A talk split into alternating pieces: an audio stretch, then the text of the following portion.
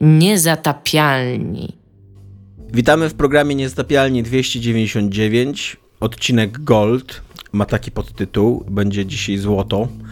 E, ja jestem Tomasz Strągowski, y, a są ze mną również tutaj Gawa Smoleńska reprezentująca tylko i wyłącznie własne opinie.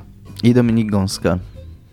E, powiedz mi, Ga, jakby jak, na czym polega, czy masz jakiś system tego disclaimera, bo tego czasem mówisz, Nie. czasem nie mówisz. Kiedyś go mówiłeś zawsze, bo systemu. pracowałaś w firmie, która tego wymagała. Teraz już chyba nikt od tego ciebie, ciebie Nie, to nie jest tego od tak, ciebie że, nie wymaga, więc mówisz, jak ci się przypomni, tak?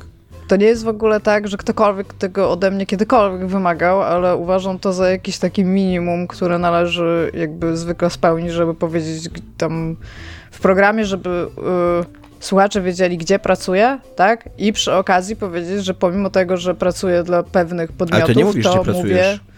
No, powiedziałam, gdzie pracuję, w sensie wszyscy wiedzą, gdzie pracuję. W filmie więcej laserów. Też.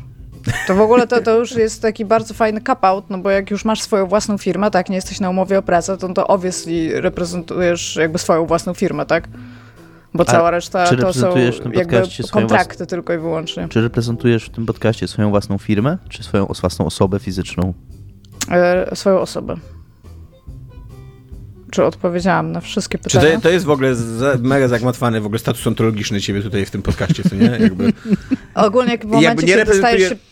nie reprezentujesz Bluebera, nie reprezentujesz więcej laserów, reprezentujesz tylko siebie jako fizyczną osobę siedzącą teraz przed, monitorem, tak? Jakby. Tak. A czy siebie Tak. z przeszłości i siebie z przyszłości też reprezentujesz? Jakby, że, czy jest ciągłość, tak Nie. jak wiesz, jak, tak jak Polska jest Tylko odpowiedzialna siebie za komunę i tam momencie, wypłacamy odszkodowania dzisiaj, to czy ty na przykład to, co dzisiaj powiesz, to to jest również twój pogląd z przy, jakby przyszłej ciebie i przeszłej ciebie? No nie, no poglądy się w ogóle zmieniają. Chcę, chcę w ogóle zauważyć, że na jednym z wydarzeń y, w Toruniu byliśmy świadkiem, gdzie podczas dyskusji ktoś przekonał kogoś do jakiejś racji i ta osoba powiedziała, totalnie się teraz z tobą zgadzam. To był Wcześniej happening tak nie w ogóle. myślałem. Ja, ja w to nie wierzę do dzisiaj. Tak, i jakby to się Ustawione dzieje w wszystko. życiu e, ludzi. E, pewne fakty do nas docierają, czytamy o czymś, myślimy i zmieniamy swoje opinie, tak? Jakby, więc nie mogę powiedzieć, że reprezentuję siebie z przeszłości, ani siebie z przyszłości, ponieważ jestem Czyli tu teraz. reprezentujesz siebie tylko w, zawsze w danej sekundzie. Tak. Znaczy, Na, nie, w, To, danej, co- w danej najmniejszej jednostce czasu, czyli w Tak. te- tej jednostce Plancka, tak? Jak, nie, tak, dokładnie. Ja tu plankuję, ja, tutaj nie ja, widzę. ja, ja jako teraz y, stereotypowy gracz powiem ci dokładnie, co usłyszałem. Nie masz absolutnie żadnego kręgosłupa moralnego, żadnego integrity, nie masz żadnych poglądów i wszystko, co teraz powiesz, jest błędne, ponieważ w przyszłości się tego wyprzesz, a w przyszłości się tego nie myślałaś. Ty. Tyle. No właśnie. Tyle jesteś warta jako, jako podcasterka. Wiesz co, jakby zrzucam wszystko na testerów. Ja chciałam dobrze i wszystko, wszystko dla graczy, bo też jestem graczem, więc jakby wszyscy wiemy, jak należy robić rzeczy. A to, że teraz nie wyszło, bo chciałam zarobić trochę więcej pieniędzy, y, to jest jakby nie moja wina. I, ale jakby co, to biorę na siebie całą odpowiedzialność. Dziękuję. Rozumiem. E, dobra, będziemy dzisiaj rozmawiać... E, No ja chciałabym być w zarządzie, przepraszam. Jeżeli pod, spodobało wam się... Czegokolwiek. Jeżeli spodobało wam się to, co wcześniej powiedziałam, to nadaje się totalnie Jesteś w do zarządu jakiegokolwiek. więcej laserów. Y, To nie musisz być spółką akcyjną, żeby mieć zarząd? A, no musisz, ale no tak. Ja no. nie jestem. Wydawało mi się, że w ogóle o taki też chodzi ci, wiesz, taki metaforyczny zarząd, jakby, że zarządzanie spółką po prostu, nie? Znaczy Nie, jakąś chodzi- firmą i tak dalej. Chodzi mi o to, że powiedziałam tak idealnie wszystkie rzeczy, które powinna mówić za każdym razem, kiedy coś nie idzie, y, jakby po myśli inwestorów, że można mnie zatrudnić po prostu do zarządu, że mogła to mówić. Dziękuję. Okej. Ja jestem w zarządzie i to nie jest jakaś super frajda, jakby tak ci powiem. To jest, tak jak każda robota, jest to po prostu robota, którą trzeba wykonać i, i, i nie sprawia ci mega wiele satysfakcji. Zniszczyłeś moje marzenia. No przykro mi. Chociaż wierzę, że być może w jakichś takich zarządach spółek, kurde, mm, za miliardy dolarów, taki Bobby Kotick to pewnie codziennie wchodzi i się super bawi, co nie? Tam w firmie. E, tak, będziemy dzisiaj rozmawiać o tematach, a tematy nasze są następujące. E, Jason Schreier znowu zrobił dziennikarstwo i napisał, co się działo za kulisami Redfalla. Tak naprawdę nie do końca napisał, co się działo za kulisami Redfalla. Zrobił taki trochę przegląd historyczny, mając głosy jakby w Arkane, y, jak podejmowano decyzje. To jest dosyć krótki artykuł, nie jest tak wnikliwy jak tam wszystkie jego pozostałe, to nie jest takie hardkorowe śledztwo Schreiera w stylu tam tego, a tego tu skrzywdzono, tam, a tam ten podjął taką, taką decyzję. To jest raczej taki ogólny artykuł. Ale no, jest tam e, trochę mięsa, o którym wcześniej nie wiedzieliśmy, więc o tym sobie pogadamy. E, I również o tym, że Kojima o mało co nie odszedł z Konami. E, e, o tym też będziemy rozmawiać, a później Dominik w ogóle tutaj e, zamiecie wszystko pod dywan i sprawi, że przestaniecie nam wpłacać pieniądze na Patronite'a, ponieważ w co jest żyte będzie temat e, jeszcze bardziej kontrowersyjny niż e, polityka. Jeżeli już wiecie, co to jest, to już wiecie, nie spoilerujcie innym, ale tak. Na koniec, już po co jest żyte, będziemy rozmawiać z Dominikiem o sukcesji, która się skończyła chyba w poniedziałek, tak? Leszą to odcinki Tak. W Polsce. Więc się skończyła w poniedziałek, więc jest to dosyć wcześnie, więc będziemy rozmawiać ze spoilerami, więc dlatego jak zaczniemy rozmawiać o sukcesji, a wy nie obejrzyliście i się boicie spoilerów, to wyłączcie po prostu tam już dalej w odcinku nic nie będzie, poza tym, że my będziemy gadać o sukcesji. E, e, więc to będzie ostatnie, co jest grane. Jeszcze pewnie tam na koniec o tym też przypomnimy, jak zaczniemy o tym rozmawiać, e, ale tak, ale teraz już wiecie, co nie? E, a zaczynamy od normalnego, co jest grane. Iga, czy ty masz co jest grane, bo w końcu nie napisałaś? Mam, To bo przeszłam... śmiało. Nie, nie wiem, czy pamiętacie, w latach 90. była taka instytucja w Giereczkowie, która się nazywała wersja demonstracyjna demo.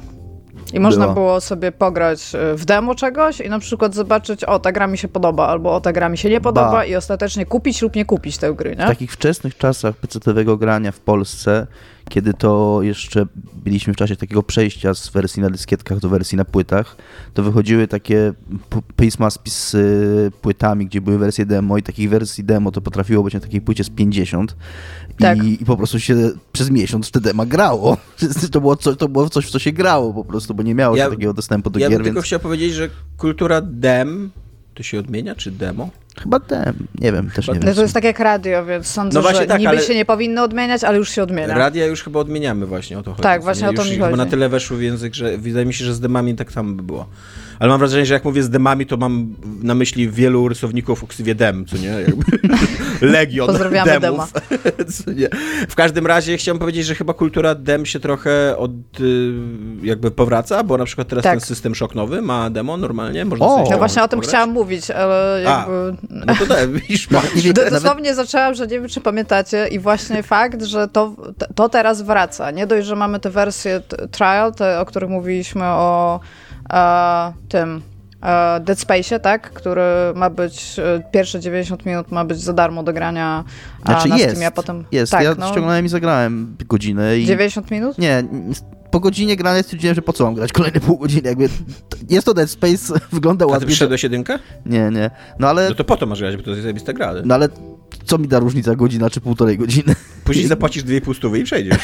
Stwierdziłem, że jest spoko, działa mi bardzo dobrze na moim pececiku Zrób refund do demo. i kiedyś może zagram, ale jakoś mnie nie ciągnie do Dead Space'a. Natomiast ciągnie mnie do. System Shocka bardzo. Nawet wskoczyłem, wskoczył na drugie miejsce mojej wishlisty po tym, jak oglądałem e, materiał na Digital Foundry, więc bardzo mnie interesuje, co powiesz, Iga.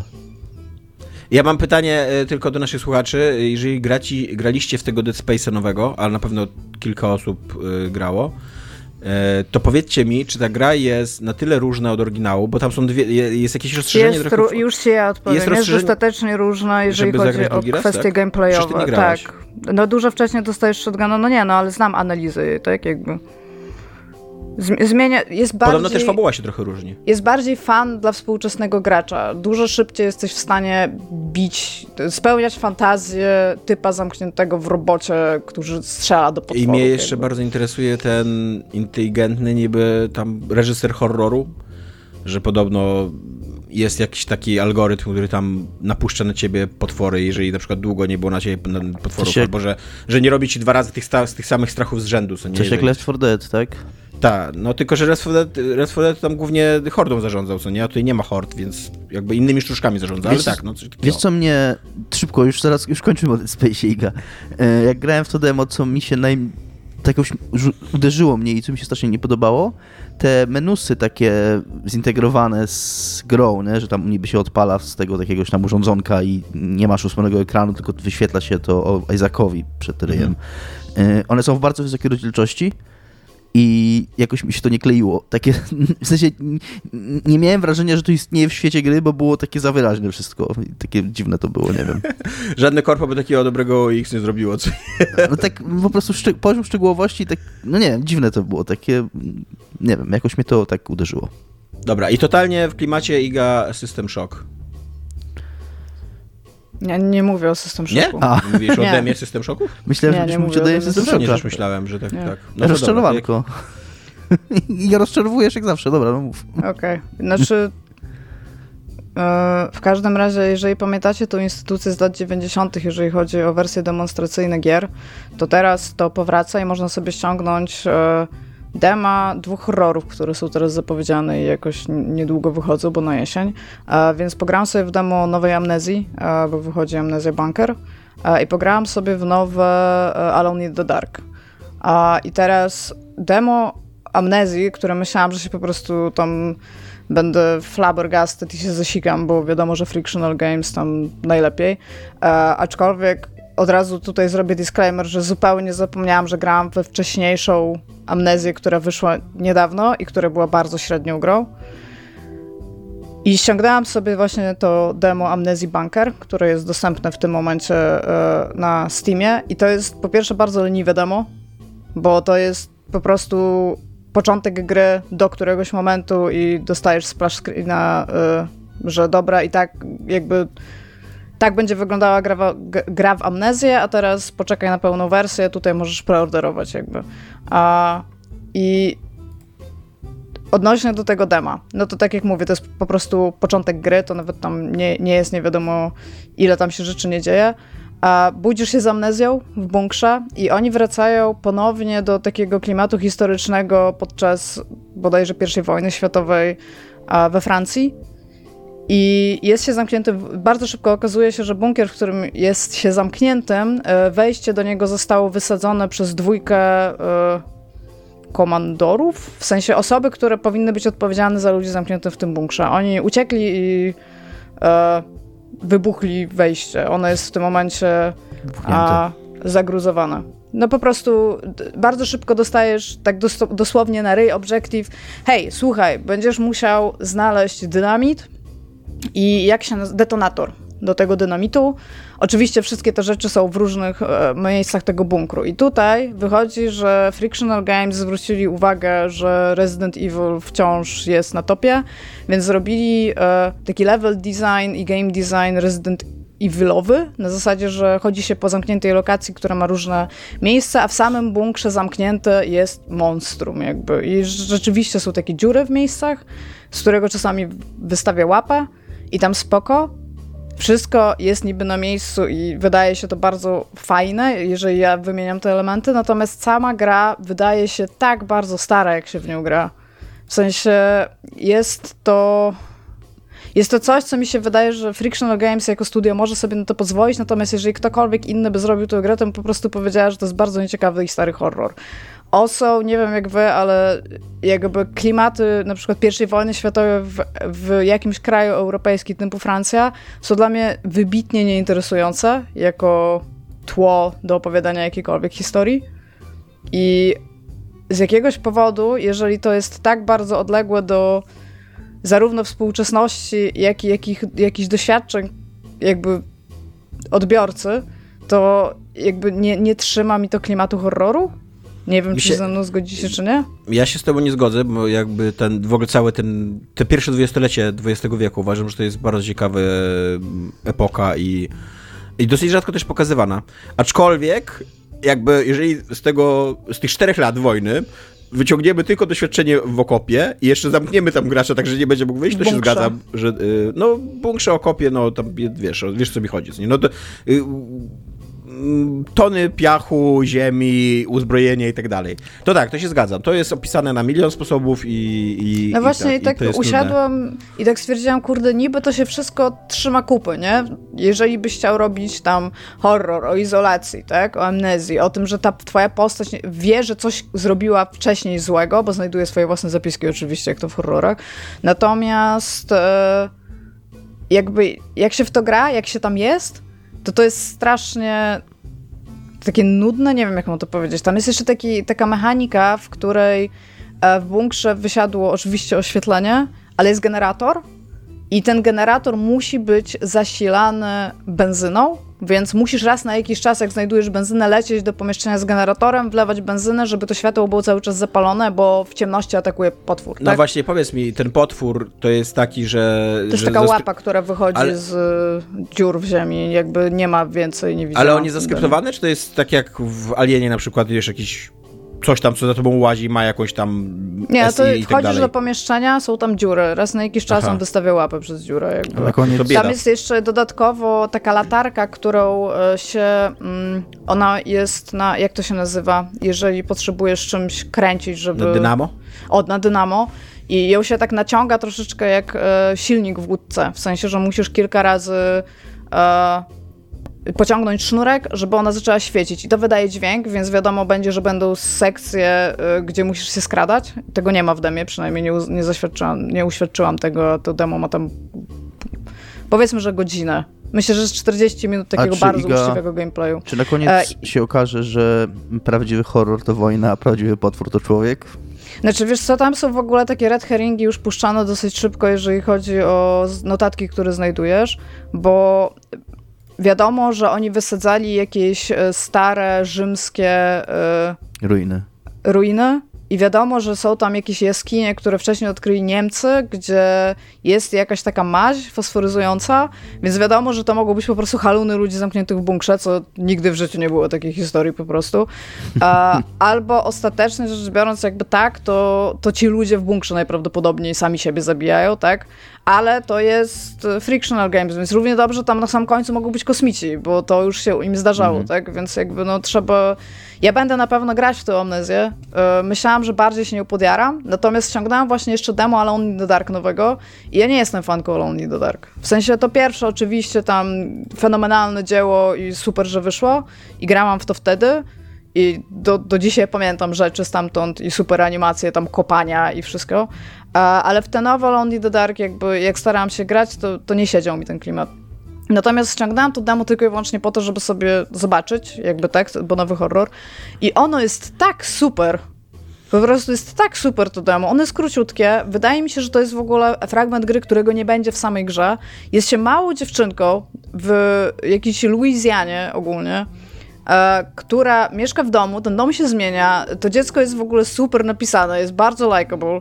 Dodatkowo ona jest takim trochę mondralińską panią, że tak powiem, panną, która sobie chodzi i załatwia sobie takie, taka rezolutna dziewczynka, taka ruda w kapelusiku, e, Jezu, która mieszka w ogóle w pokoju bez okien. Oczywiście, y, kobieta ma jakąś agendę, to już jest mondralińska, co nie? Iga. Ale ona ma z 6 lat, kobieta, ty, dziewczynka mała. W sensie, no wiesz, jak są napisane dzieci w grach, tak? I w filmach. Są Tak. nie do zniesienia. Żadne dziecko się nie zachowuje tak, jak dorośli piszą dziecko. A ona jest naprawdę napisana jako super w ogóle osoba. W ogóle, I ona... wiesz, co jest, wiesz, co jest zaskakujące w pisaniu dzieci? Że dzieci mają to do siebie i mają jakby taki, taką wol, wolną rękę do tego, żeby być bardzo głupie.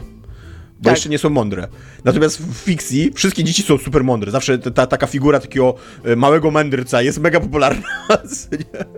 Że nawet jak zadaję Ja. pytanie, to są takie pytanie, pytania pełne przenikliwości i Tak. takiego spojrzenia na świat. jeszcze takiego ontologiczne, nie? A nie Tak. tam, że ej, zobacz, co potrafię. I tam ty się patrzysz, dziecko robi jakiś taki koślawy podskok i wow. Zmarnowałeś właśnie 10 sekund mojego życia, stary. Nikt A Iga, tego już nie mi, odda. jak ta gra wygląda? To jest takie... No właśnie chciałam powiedzieć, ale e, zaczęliśmy rozmawiać o dzieciach. E, to jest TPP.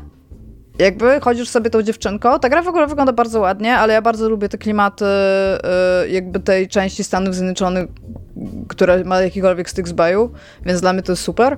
E, Jesteś w takim domu, to domu jest w ogóle super krótkie, więc jesteś w domu, takim starym, kolonialnym domu, który tam były budowane. E, mówię, ta dziewczynka w ogóle zaczyna w e, pomieszczeniu bez okien, co dla mnie było super dziwne. I jakby ona chodzi po tym domu i twoim celem jest wzięcie listu od chyba twojego wujka, od, innej, od mężczyzny, który mieszka w tym domu, ale ma jakąś paranoję bardzo mocną. I on boi się wysłać list, ale ty jesteś y, w stanie zaadresować kopertę i ty, zanie, ty go zanieść do miejsca, gdzie się je wysyła, w taki sposób, żeby ten list nie był skojarzony z nim. I tym go uspokajasz, zabierasz ten list. Więc całym twoim w ogóle patentem w demie jest to, że ty musisz zejść na dół do recepcji i zostawić ten list.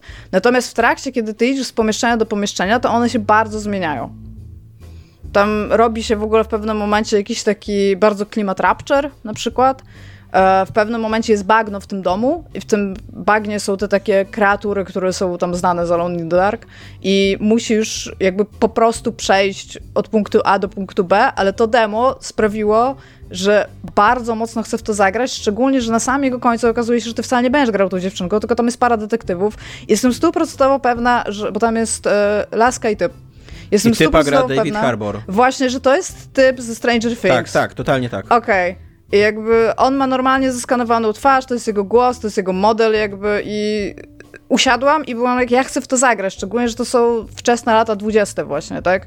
Przyna- przynajmniej tak to wygląda, więc naprawdę porównując demo Alone in the Dark do demo Amnezji, no to Alone in the Dark to jest tak dobre demo, okej, być może ta gra nie będzie taka, no bo nie będzie się grało tą dziewczynką, tylko będzie się grało paru, tą parą detektywów, ale jestem bardzo realnie zainteresowana tą grą.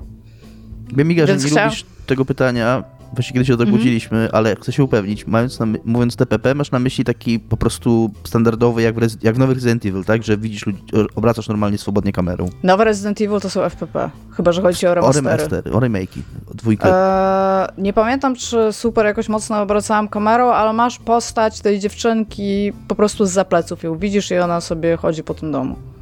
Ale chyba dało się obracać kamerą. Czyli nie ma, nie ma kamery Chodzi mi o to, tam czy jest do tak jak... Właśnie, o to mi chodzi. Czy to, jest, czy to jest tak jak w starych... Nie no, TPP to nie jest e, statyczna kamera, jeżeli o to wam chodzi, to to nie jest statyczna kamera, jest to TPP kamera. Kamera statyczna Jakbym chciała TPP. powiedzieć, że statyczna kamera, czyli kamera umieszczona w jakimś miejscu pomieszczenia, to bym powiedziała statyczna kamera. Okej. Ale wciąż to jest perspektywa trzeciej osoby.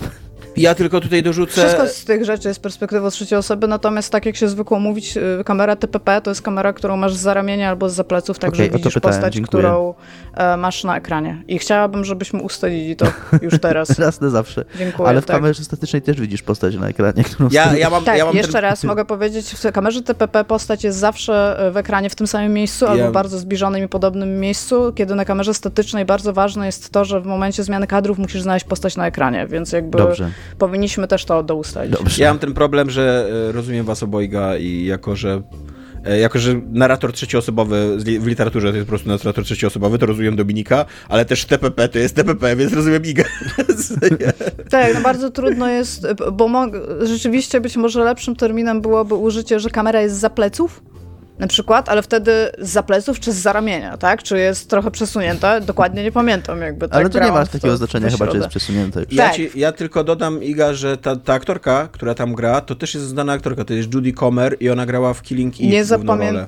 Tak, nie zapamiętałam ani jednego nazwiska, które wymieniłeś i myślę, że niestety moja ignorancja w stosunku do aktorów e, ni- niestety wygra tutaj po raz kolejny, bo ja nie znam żadnych nazwisk aktorów. Ja czasami widzę kogoś, jestem jak chyba grał gdzieś tam, co oglądałam, ale dla mnie to, to, dla mnie to są, aktorzy są trochę jak farby W każdym na razie Jakby nie tak- są ważni, jak się nazywają, jak grają, tylko mają grać dobrze tą rolę w tym miejscu, którą oglądam w tym momencie. Był taki moment, kiedy serial telewizyjny Killing Eve był dużym czymś, jakby bardzo popularny był. się wydaje, że nawet o tym nie rolę. słyszałam. Co to jest za serial? Też nie wiem, co to jest. To jest serial o agentce, nie, nie, nie FBI, bo ona jest z brytyjskich jakichś służb specjalnych, która tam Z prowadzi Scotland Yardu. taki mega, mega nudny jest ten, ten, ten, ten jej zawód, jakby jest jakimś tam analitykiem, coś takiego i trochę przez przypadek wpada na trop um, Killing, właśnie, właśnie tej Eve, tak, czy ona jest Eve, nie pamiętam. Wpada na trop e, płatnej morderczyni ro, Rosjanki, która tam no, zabija po całej Europie ludzi, co nie? E, I, no i zaczynają się ścigać i to się zmienia, jakby między nimi się nawiązuje jakaś taka relacja, przyjaźń, w końcu wręcz taki romans lesbijski.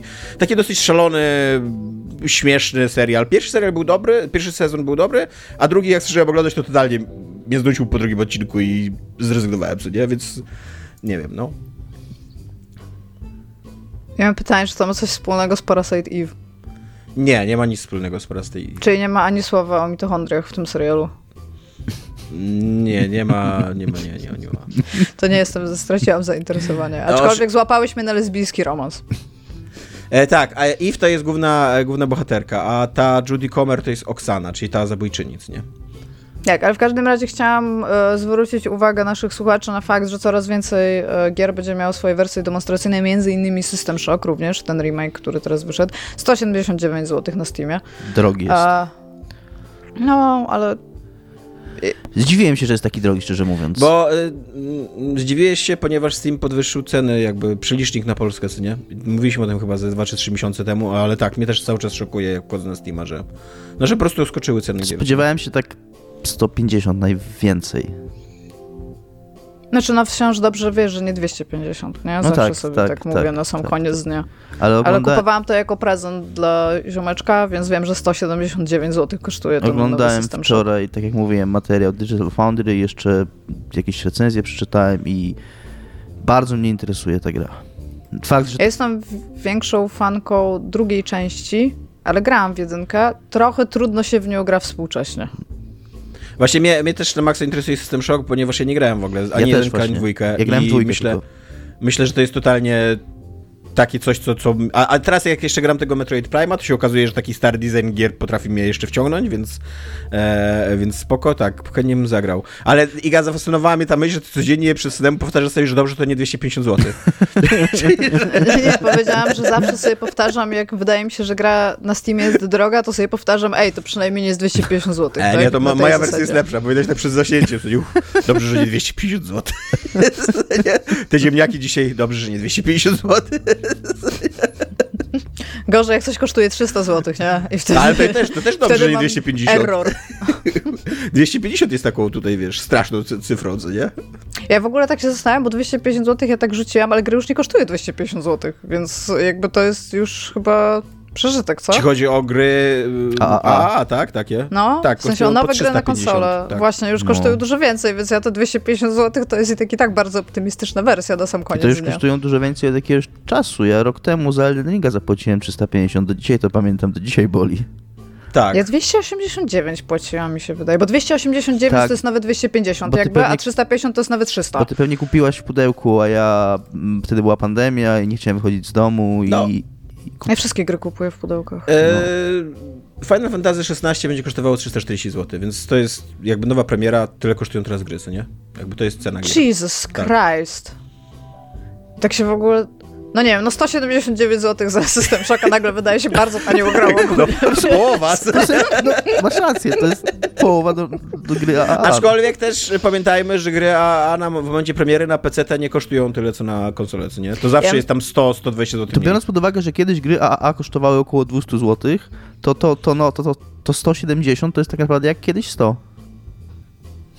Ja bym chciała powiedzieć, że pierwszy achievement e, w nowym System Shocku to jest Through the Looking Glass i najprawdopodobnie chcieli to wsadzić tam tylko i wyłącznie po to, bo Looking Glass Studios, Tak. bo I oczywiście, rozwalony i mózg oczywiście po prostu. pierwszy kod do drzwi jest 451.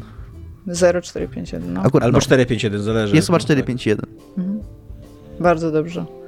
Więc tak, e, to chciałam po prostu zwrócić uwagę, że są te dwa dema. Jeżeli ktoś się tym interesuje tak samo jak ja, to polecam w ogóle sprawdzać, czy są wersje demonstracyjne i mam nadzieję, jeżeli słuchają nas e, twórcy, nie róbcie leniwych wersji demonstracyjnych, które są początkiem gry. Zróbcie dodatkowy level. To jest takie super, że kiedyś to się tak robiło, nie? że się wypuszczało jakiegoś takiego vertical slice'a, wszystkie mechaniki w jakimś jednym zamkniętym levelu wykorzystane i to było zupełnie inne od gameplayu. Ja do dzisiaj pamiętam demo e, American McGee's Alice. To było super demo, które nie miało nic wspólnego, w sensie ten level nie był w grze. Jakby fajnie, bo można było sobie pograć zarówno w demo, jak i w grę i miałeś dwa różne doświadczenia. Dziękuję. Jeżeli chodzi o dema, to mi się przypomniało, bo często mówimy o tym, że dema, że to jest drogie po prostu, tak? Że jeszcze wycięcie kawałka z gry to jakoś tam powiedzmy nie generuje jakichś kosztów większych, a, a zrobienie przygotowania takiego mm, osobnego levelu to tam może po prostu szkoda im na to pieniędzy. Ale ja pamiętam do dzisiaj, y, była taka gra stara, pewnie już o tym mówiłem, Return Fire, w której się tak na podzielonym ekranie Powrót ognia. się po, na podzio, tak, powrót ognia. Na podzielonym ekranie się takimi od góry samochodzikami, czołgami sam, i jeździło na dwie osoby i trzeba było sobie flagi odbierać. To była super gra. Ona miała demo, mm, w którym miało chyba dwie mapy i można było w nim grać w dwie osoby i nikt nie kupił tej gry. No tak, no, bo było takie dobre Bo demo. było, bo było demo, które wszystkim wystarczyło. Ja jeszcze tylko e, bym chciała dodać do... E, ja tutaj, y, tak, y, dzięki Iga. E, chciałem tylko dorzucić, że Starfield będzie kosztował 266 zł na PC, więc U, takie są jak mniej za więcej, darmo. Takie są mniej więcej ceny nowych gier na PC, więc to jest stuwa mniej, co nie? A co do dem, Iga, e, totalnie zgadzam się z tobą, że oddzielna, oddzielna część jest fajna, aczkolwiek ja jestem starym leniwym człowiekiem, który ma mało czasu i jak sobie pomyślę, że mam przejść demo przez godzinę i później nic z tej godziny nie będzie w mojej grze, którą później będę grał, to trochę mnie to zniechęca. To jakby jednak wolałbym ten pierwszy rozdział po No prostu. ale weźmiesz też pod uwagę, musisz wziąć pod uwagę, że te gry, które tutaj testowałam, znaczy demonstracyjnie ogrywałam, no one nie będą super długie, tak? Więc to jest godzina nie do 35 innych godzin, tylko raczej do 6, może 5, nie? Ja bym też chciała powiedzieć, bo mam, e, bo wyszło jeszcze jedno demo, też horroru, nazywa się Damer 1994, to jest druga część i teraz to będzie super konfundujące. Pierwsza część nazywa się Damer 1998, więc druga część dzieje się wcześniej. I to jest demo, który ci rzuca w jakiś rozdział w środku gry. Tak to wygląda, bo tam się już jakieś rzeczy stały, już jakaś fabuła tam ewidentnie się odbyła.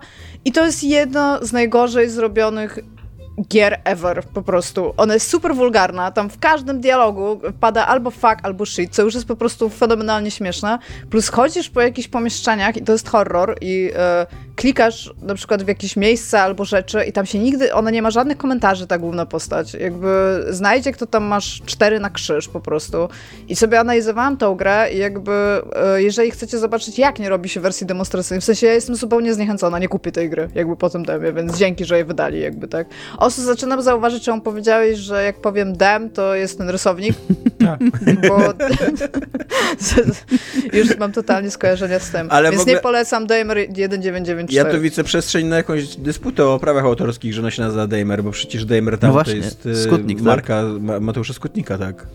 Jakby Damer Town, tak, aczkolwiek Damer w odróżnieniu, w sensie to jest słowotwórstwo z Nightmare, No więc tak, nie wiem, tak. czy można to restricted cre- credentials z tego No zrobić. nie wiem, no Starfield to jest słowotwórstwo ze Starfield, no. Tak naprawdę każdy tu jest słowem, tak? Tak. Albo słowa, albo słowa. Redfall to jest słowotwórstwo z Red i słowa. Fall.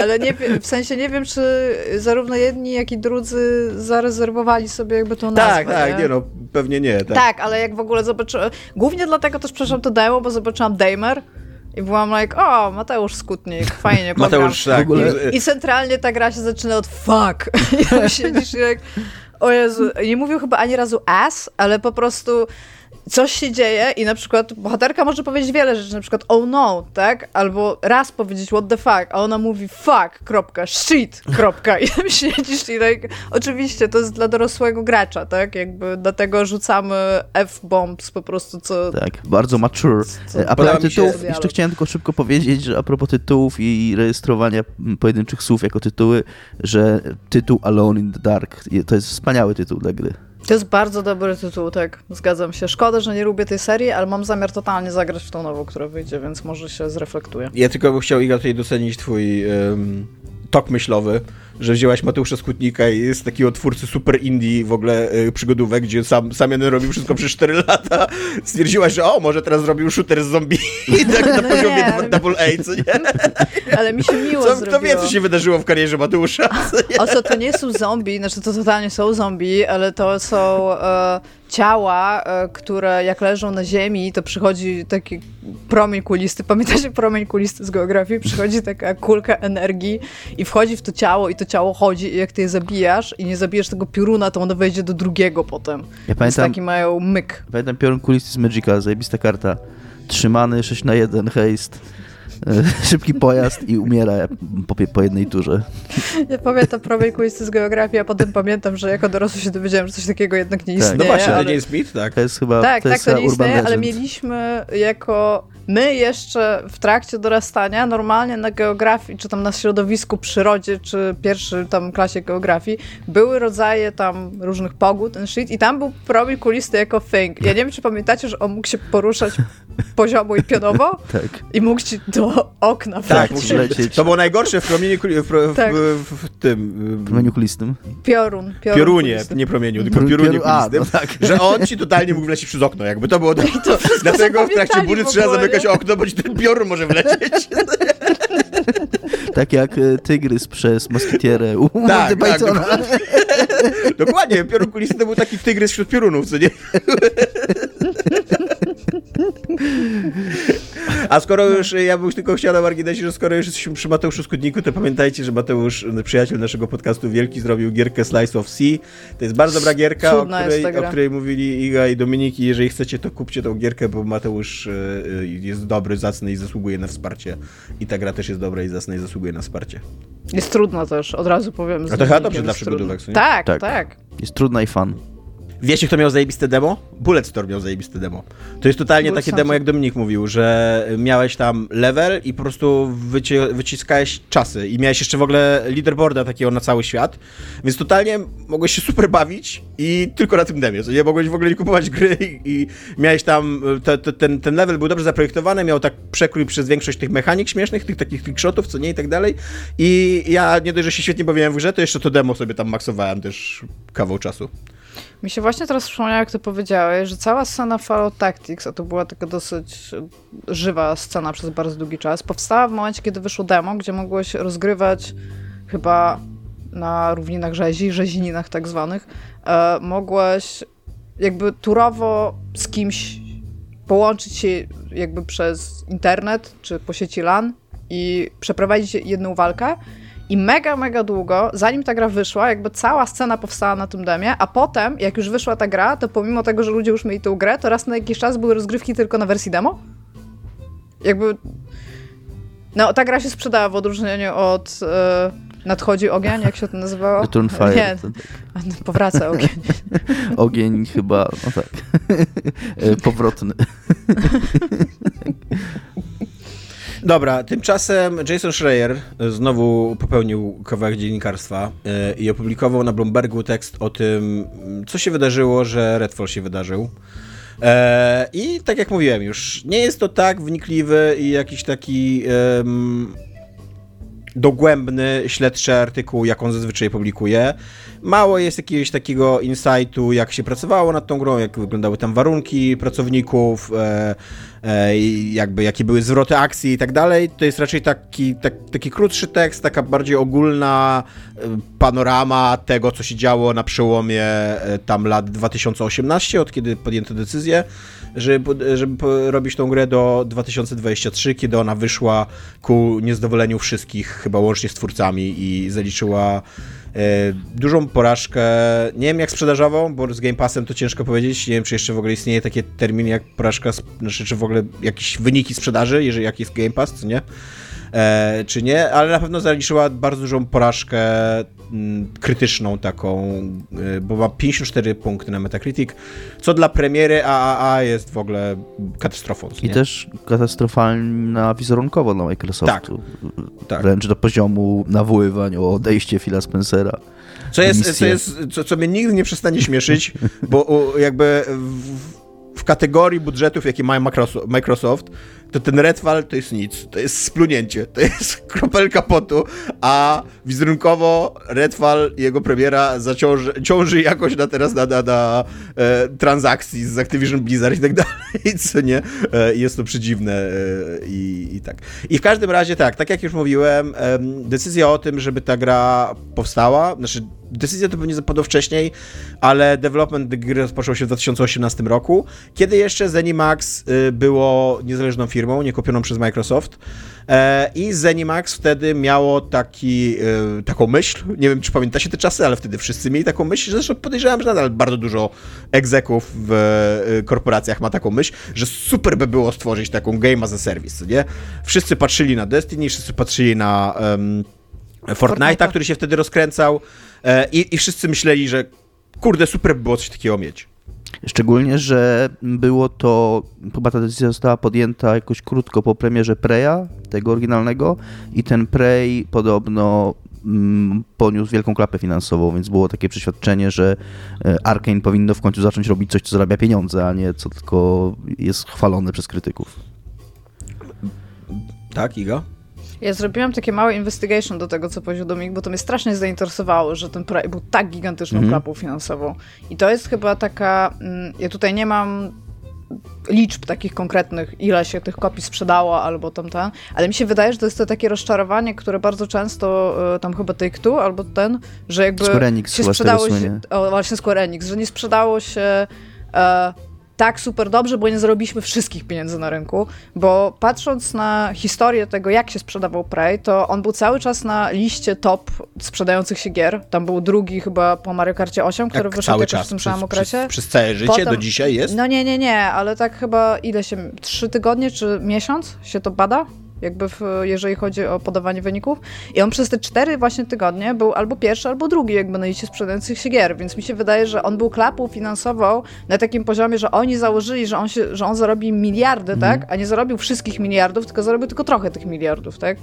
Więc... y, to jest chyba kwestia oczekiwań, bo to nie jest tak, że Prey się nie sprzedał, nie? To była dosyć popularna gra. Ja pamiętam, że tam marketingowo ona była strasznie jakby dopchana i okej, my jej nie lubimy, bo jest Właśnie ja bym chciał tylko wbić tą szpilę, że, że to, to jest najsłabsza gra Arcane. Znaczy, być może poza Redfall teraz, nie. No tak.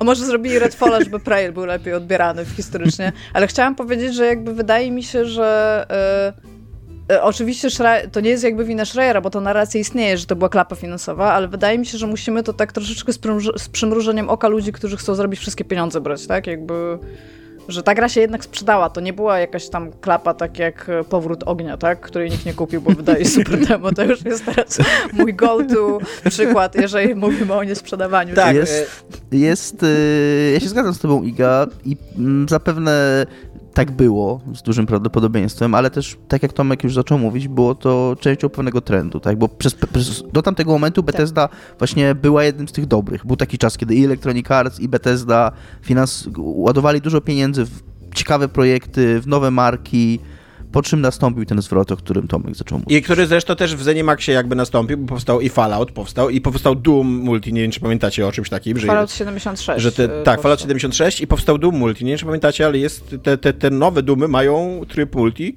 który chyba nikt nie gra, tak mi się wydaje, co nie? E, I Wolfenstein też powstał ten mm, Youngblood, e, który też jakby był takim jakimś, jakimś zamachem na jakieś takie, nie wiem, wspólne, wspólne experience, nie? E, Zamach na wspólne doświadczenie gry. więc, więc tak, więc w takim duchu w, o 5 lat temu podejmowano tą, tą decyzję o tym, żeby, żeby ta gra powstała. Nie do końca wiadomo było, w jakim kierunku ta gra ma się rozwijać, ponieważ e, różne działy pracowały e, nad bardzo różnymi wizjami i nie do końca się ze sobą komunikowały. Tutaj chyba jest jakiś problem z zarządzaniem tym projektem. E, I też jakby, jeżeli chodzi o komunikowanie się, to rzucano takie, takie od sasa do lasa takie porównania, że to ma być Far Cry albo Borderlands, co nie? Tutaj jest napisane, czyli dwie zupełnie inne gry. E, I, i dołączmy do tego to, że właśnie, że te, że te działy mm, nie, nie komunikowały się ze sobą i mamy jakby taką niepewność, jaką grę tak naprawdę robimy i o co tak naprawdę chodzi. E, Swoją drogą, to co wspominasz o tym, tam się bardzo dużo pojawia m, tych odwołań do, e, do Borderlands i do, co jeszcze powiedziałeś, jaki był drugi tytuł? Far Cry. Far Cry. Far Cry. Dlaczego nikt tam nie mówi Left 4 Dead, jakby, skoro to, co oni zrobili, to jest Left 4 Dead, koniec końców?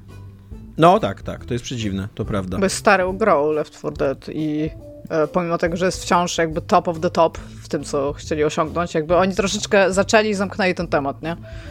E, no to myślę, że mało ludzi się już do tego odwołuje ze względu na fakt, że wydaje mi się, że to jest nieaktualne, co nie jest w Mhm. ogóle prawdą, ale jest jakiś, z mojego doświadczenia jest jakiś gigantyczny strach przed tym, że moglibyśmy brać dla dużych gier referencje starych gier, tak? Jakby Mhm.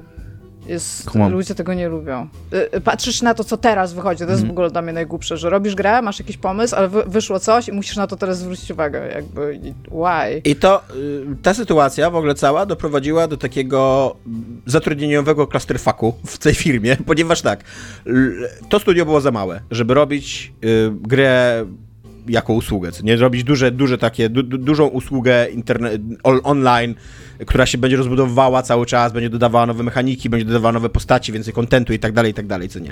Zatrudniało ten, te, ten Arkane e, Au- Austin zatrudniało około 100 osób, to było za mało, trzeba było zatrudnić więcej, ale jednocześnie ludzie, którzy do tej pory pracowali w Arkane Austin i byli dumni z Preya, z jakiegoś dziwnego powodu, jakby zaczęli odchodzić z tej firmy, bo nie chcieli pracować nad Redfallem. Jakby nie podobał mi się ten problem, nie? Więc nie dość, że oni potrzebowali więcej ludzi, to mieli coraz mniej ludzi, bo ludzie od nich odchodzili.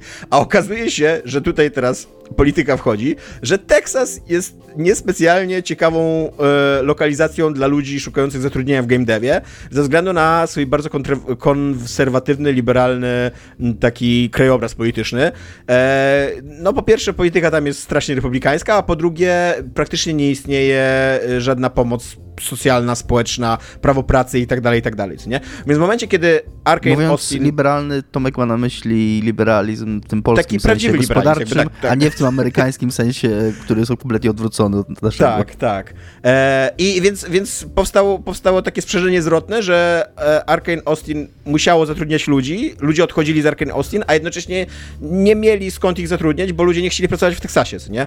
E, więc e, więc to, był, to był duży problem przy produkcji tej gry i doszło do, tak, do takiej sytuacji, jakby doszło w rozwoju, w rozwoju tego projektu, że w momencie, kiedy Microsoft w końcu kupił Zenimax, to wszyscy w studiu podobno mieli nadzieję, że Microsoft przyjdzie i anuluje ten projekt i powie, nie róbcie tego, co nie? Na co Microsoft postanowił zachować się porządnie, raz jeden, jak, jak, jak na gigantyczne korpo przystało i powiedzieli tam, róbcie co chcecie, jakby my, my, my nie będziemy się mieszać do tego, jedyne co, to tam skasujcie wersję na PlayStation, bo ona nas już nie interesuje finansowo, e, a, a, tak, a, a tak poza tym to, to to jest wasz projekt i kończcie go. Microsoft w ogóle, jak tak historycznie rzecz biorąc od czasu, jak zaczęli kupować te wszystkie studia po kolei, raczej daje im robić autonomicznie to, co oni robili. Po prostu daje im pieniądze i raz na jakiś czas ewoluują jakby ich postępy, ale to nie jest tak, że ja wiem, że to jest taka fajna narracja na zasadzie, że od czasu jak Microsoft coś kupił, to wszystko jest najgorzej tam. Nie, Microsoft daje pieniądze i zaplecze takie bezpieczeństwo tym studiom, ale najczęściej one sobie pracują nad tym, co chcą na swoich własnych regułach i trzeba o tym też trochę pamiętać. Tak, i co, co jeszcze y, ciekawe, bo tutaj wręcz pada statystyka a propos tych właśnie problemów z zatrudnieniem. W momencie, kiedy y, Arkane Austin kończyło pracować nad Redfallem, 70% załogi która pracowała nad Prejem, już nie pracowała w tej firmie, co nie? Więc dwie trzecie załogi musieli wymienić. Więc to jak na. E, no to jest, to jest strasznie trudne, strasznie skomplikowane. E, znalezienie nowej osoby do pracy jest zawsze czasochłonne, wdrożenie jej w projekt jest czasochłonne. Jeszcze ona czasem się okazuje nie, niedobra do tego projektu albo coś, albo mieć jakąś inną wizję, więc to, to kolei znowu generuje czas i tak dalej, co nie? Więc nic dziwnego, że ta gra miała olbrzymie problemy, jeżeli chodzi o, o, o powstawanie, e, o produkcję. No i, i, i ciekawe jest. Zakończenie tego artykułu, bo zakończenie wydaje się takie, że, e, że oni autentycznie nie zdawali sobie sprawy, że ta gra jest kiepska. Jakby, że e, ludzie w firmie mówili, że ta gra ma problemy, że im się nie podoba, że to nie to, co oni by chcieli zrobić tak dalej, tak dalej, tak dalej. A na to słyszeli odpowiedzi od szefów studia, że zaczekajcie, mieliśmy już tak wcześniej, jakby to, to nie jest pierwsza, to nie jest pierwsza gra, o które, która tak bardzo długo się kształtowała e, i, i, ludzie mieli pewne wątpliwości, ale na końcu będzie się, dzieła, będzie się działa magia, dokładnie Arcane Magic. Ciekawe, co na to, to przypomina. To jest o tyle śmieszne, że Arcane to, to, to, to, to super działa z Magic, nie Arcane Magic tam się będzie działa. Nie, tak to nie pomyślałem. Dopiero się Nie pomyślałem o tym, no. Zajebiste. I że na, że na końcu wydarzy się na końcu wydarzy się Arcane Magic i gra okaże się jednak super, wspaniała, I tam co nie? 12 zakapturzonych Przeprowadziliśmy magów. To się po prostu wydarza. Tak. Robisz grę, piszesz linijki kodu i nagle puf. Ale dokładnie to O, samo super. przecież mówiono przy Cyberpunku. Jakby było dokładnie to samo sformułowanie, że zrobiliśmy Wiedźmina 3, tam też, na, tam też było pod koniec, y, wszystko wyglądało źle i później wydarzyło się CD Projekt Magic, tak? Tak, to jest ciekawe w ogóle, że on tutaj podaje przykład, że za takie podejście są krytykowani na przykład ludzie z BioWare, bo że oni też mają tak. Ale tak, że masz rację, że y, CD Projekt dokładnie tak samo jakby tak miał takie podejście. Że, że na koniec to wszystko zadziała, że coś się wydarzy, jakaś taka chemia się zdarzy i nagle się puch, okaże, kurde, mam jednak genialną grę, nie? Niestety... To jest tak jak kiszonki, jak zostawisz w beczce na jakiś czas przed ten, no to nagle będzie smaczne, nie? I będzie miało dużo witaminek. Tak, niestety, albo stety, ani chemia, ani Arcane Magic się nie wydarzyło. E, e, i, I gra wyszła taka, jaka wyszła. Co, co więcej, jeszcze wydarzyło się to, to jest w ogóle ciekawy aspekt dla mnie, taki, taki niż ja wina to jest, nie?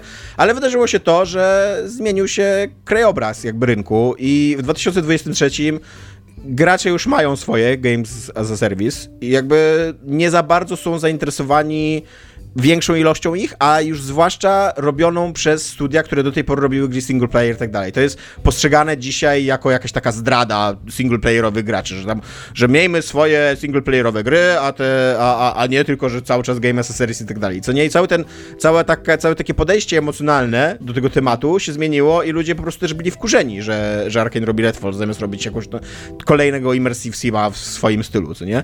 Ale to jest w ogóle taka, to co ty mówiłeś o tym takim przepierzeniu studia, że ludzie zaczęli odchodzić do tego, że już nie chcieli tego robić, ci ludzie nie wrócą robić kolejnego Immersive Sima tam. Oni już są sparzani. Najprawdopodobniej wielu z nich w ogóle zmieniło branżę w międzyczasie, więc e, decyzja o zrobieniu czegoś takiego to jest tak naprawdę decyzja o fakcie, że kolejna gra nie będzie taka dobra, jaka mogłaby być, bo ludzie, którzy mogliby z nią zrobić dobrą, już tam nie pracują. Znaczy wiesz, no, nadal, nadal podejrzewam, że ludzie, którzy pracowali na Netfallu, to nie są przypadkowi ludzie, co nie? I być może, jeżeli da im się pracować nad jakąś przemyślaną, spójną wizją, na którą oni sami wpadną i którą będą popierali, co nie, nie będą zmuszani do niej, Mhm. to ja wierzę, że mogą zrobić dobrą grę, co nie? No, kij wie, jak będzie, co nie? Najprawdopodobniej tak, no ale tam Schreier porównuje, że ile 70%, 70%. ludzi, którzy robili Preya, już nie zrobili Redfalla. Jakby teraz możemy się spierać, czy Prey był dobrą grą, natomiast na pewno był lepszy od Redfalla, Tak. więc 70% ludzi, którzy ro- zrobili tą lepszą grę, już tam nie pracują i nie zrobią jakby kolejnej gry. I tak jak mówisz, zgadzam się, ci ludzie, którzy są nowi, to, to jest zespół, który potrafi robić gry i zrobi jakąś grę, którą będą chcieli, to będzie dobra gra. Ale hipotetycznie ta gra mogłaby być dużo lepsza, jeżeli tam ci ludzie byliby na pokładzie, nie? Więc jakby tą jedną decyzją, jeden prosty trik na rozpieprzenie studia, jakby Na, nie, nie na go studia, na, na utopienie Game Passa w ogóle. Co? Za Microsoftu całe, Jak Xboxa Powinny być tak, powinny być takie, jak, są, jak jest ten mem z tymi yy, domino, co nie, takimi coraz większymi, że jest tam prezes Zenimax chce mieć swojego Fortnite'a, co nie, a na końcu upadek Microsoftu. Ja jeszcze chciałem powiedzieć, zanim się ktoś do nas przyczepi w komentarzach mm, i zaznaczam tu, że kochamy naszych słuchaczy i i ich komentarze, e, że zdajemy sobie sprawę, wszyscy chyba, że Prey był ciepło przyjętą krytycznie grą. Jak mówimy, że to jest słaba gra, to należy to rozumieć według nas, bo każdy z nas tą grę grało i, i każdy z nas uważa, że jest słaba, więc to I mamy dużo mówiliśmy w programie o Tak. dlaczego tak uważamy. Jak chcecie, to tam... ona też jest obiektywnie nie za mądra. Tylko tyle. Nawet nie, nie powiem, że durna albo głupia. Nie, tak, nie powiem, że nie jest za mądra. A to akurat można powiedzieć o wielu grach, nawet udanych. A Return Fire? To bardzo mądra gra była. Nie wiesz, bo nie kupiłeś. Ale Nikt jej nie kupił. Grałem, grałem w demo bardzo dużo. Z ziomkiem. Na, na, w ogóle na jednej klawiaturze tak się wtedy grywało w gry. nie? Na podzielonym Tak, ekranie. było tak. Na jednej klawiaturze. W Liero też się I grało trzeba było uważać, bo tam jak się za dużo klawiszy na raz wcisnęło, to drugi nie mógł wciskać, bo tam się bufor przepełniał. Nie, to była taktyka. Co więcej, y, jeszcze kończąc ten temat, y, co mnie, co mnie trochę zdziwiło, to że ludzie, którzy grali w 2021 roku w tą grę, jakby w jakieś ili, ili buildy, byli zdziwieni, jak wiele bugów z 2021 dotrwało do 2023, co mnie trochę dziwi, bo zawsze sobie wyobrażam, że praca nad taką dużą grą to jest przede wszystkim możliwość korzystania z mega dużego właśnie tam zaplecza QA i, i testingu i tak dalej i zawsze sobie wyobrażam, że to jest duża część tam szlifowanie takiego dużego tytułu, to jest duża część pracy nad nią. E, a po drugie, ta gra mogła być jeszcze gorsza, ponieważ ludzie z Zenimax mieli też plan, żeby tam były mikrotransakcje w tej grze. E, I bardzo długo ona była projektowana pod mikrotransakcje. Na szczęście chyba, e, koniec końców, e, znaczy na szczęście, chyba na szczęście, koniec końców się z niej wy- wycofano z tych mikrotransakcji i, i, i no, wywalono je z gry. Bo mogłaby być tak, mogła być jeszcze bardziej krytykowana przez graczy i ludzie jeszcze bardziej mogli być wściekli na nią, nie? No. Nie wiem, czy mogliby. Ludzie, y, gracze mają taki bufor i jakby tam, tam rzadko jest, y, to jest tak jak w recenzjach.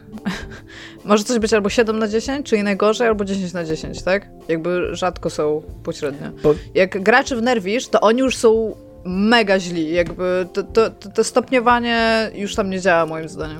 No właśnie, powiedzcie mi, mam na końcu dla was takie pytanie. Jakbyście mieli przewidywać przyszłość Redfalla, co nie? To czy to będzie gra, od której Arkane i, i tam Zenimax nad nim, znaczy Bethesda nad nim, później nad nim jeszcze Zenimax, a nad nim jeszcze Microsoft się po prostu odetną i powiedzą, róbcie nową grę. czy oni będą ją próbowali na, naprawić yy, i pokazać, że o, jesteśmy tacy wierni dla naszej publiczności i tak dalej, nie? Yy, ten drugi ruch przydaje się, żeby budować jakby swoją pozytywną relację, zwłaszcza wobec graczy, którzy kupili, wydali tą grę, nie? Natomiast wydaje się, że tak mało graczy kupił Redfalla, że być może to jest w ogóle nieopłacalne biznesowo, więc jakie są wasze przewidywania? Dominiku? Ja mam A, takie- nie, dobra, Iga. Ja mam takie przewidywania, że tak jak w tym roku e, Cyberpunk dostał nagrodę za Best Ongoing Game e, na jednym z nagród. Na Digital e, Dragons. Kiedy, tak, kiedy powiedzieli, że już nie będą wspierać tej gry i ciągle czekamy na DLC. Po prostu to są fakty, nawet to nie, to, to, to nie jest, no, no to się stało. A oni nie będą je dalej dewelopować, bo to się im nie będzie po prostu opłacało. To jest zbyt dużo ludzi, którzy będą musieli siedzieć, naprawiać i robić rzeczy, a oni posiedzą na niej pół roku. To są takie moje przewidywania. Po czym po prostu zaorają projekt. Zostawił tam jakiś szkieletowy zespół. No, jakiś taki minimum e, potrzebne do tego, żeby utrzymywać tą grę jakby w live e, i najprawdopodobniej e, Microsoft, żeby odzyskać jakby twarz, będzie proponował refundy. Zgadzam się z Igą. E, Ja pamiętam Anthem i pamiętam również, że mi się Anthem podobał, nie wypieram się tego. Natomiast była to bardzo zimno przyjęta gra przez graczy i podobna sytuacja jak z Redfallem była, bo też studio znane z gier dla pojedynczego gracza z rozbudowaną fabułą i tak dalej zrobiło taką grę Life as a Service, która no, była katastrofalnym dla nich e, wizerunkowo projektem i też oczywiście oni obiecywali. To było dokładnie tak samo. E, Mieli cały plan rozwoju, obiecywali, że oni ją odbudują, że wszystko, te, nawet bardziej to podkreślali niż, niż teraz Microsoft przy Redfallu. Bo podczas tego wywiadu, o którym mówiliśmy dla. mm, s- no, nie pamiętam teraz. y, y, Dla. Co to było za program? No w każdym razie. Kinda Gunny Games. o, tak, tak, tak. Dla Kinda Funny Games sam Spencer mówił, że będą to wspierać i że będą to naprawiać. Nie będą tego naprawiać. Mówią tak, żeby powiedzieć, pół roku pokrążą pod, nad tym jak muchy nad y, gównem. Oni coś tam naprawią. Coś tam naprawią, ale nie, nie zmienią tej gry fundamentalnie i za pół roku po prostu po cichu wyrzucą ją na śmietnik. Tak. No i mówię, będą i ludziom, którzy się zgłoszą, bo to też nie jest tak, że wszystkim dadzą refundy, ludziom, którzy się zgłoszą, dadzą refundy. To jest moje... Ten. A jak myślisz, Tomaszu, czy tak będzie? Mam nadzieję i myślę, że nie będą tego wspierać, że raczej pójdą w kierunku nowego projektu. Natomiast y, zdziwiło mnie to, co powiedziałeś. Mi się wydaje, że CD Projekt nie, nie powiedział, że nie będzie już wspierać Cyberpunka, tylko że kolejną, jakby, że kolejną rzeczą będzie DLC, że jakby do tego czasu nie będzie nic nowego, nie? Może rzeczywiście przeinaczyłam te słowa, ale miałam jednak wrażenie, że w tej komunikacji Bo gdzieś się pojawił... Trudno mi e, sobie wyobrazić, że wypuszczą to DLC, ono wyjdzie w klasycznym CD projektowym stanie i oni powiedzą, że ej, mówiliśmy, że już nie wspieramy tej gry. Nie? Nie, nie, nie, to, to, to na pewno tak nie będzie, ale mam wrażenie, że po prostu oni mieli zaplanowane dużo, dużo więcej, a może w ten sposób to szła ta komunikacja, że mieli zaplanowane dużo, dużo więcej, natomiast przez to, jak ta gra została odebrana, w jakim stanie wyszła, no to stwierdzili jakby okej, tak, ponaprawiamy niektóre rzeczy, wyjdzie to DLC, ale tutaj się skończy.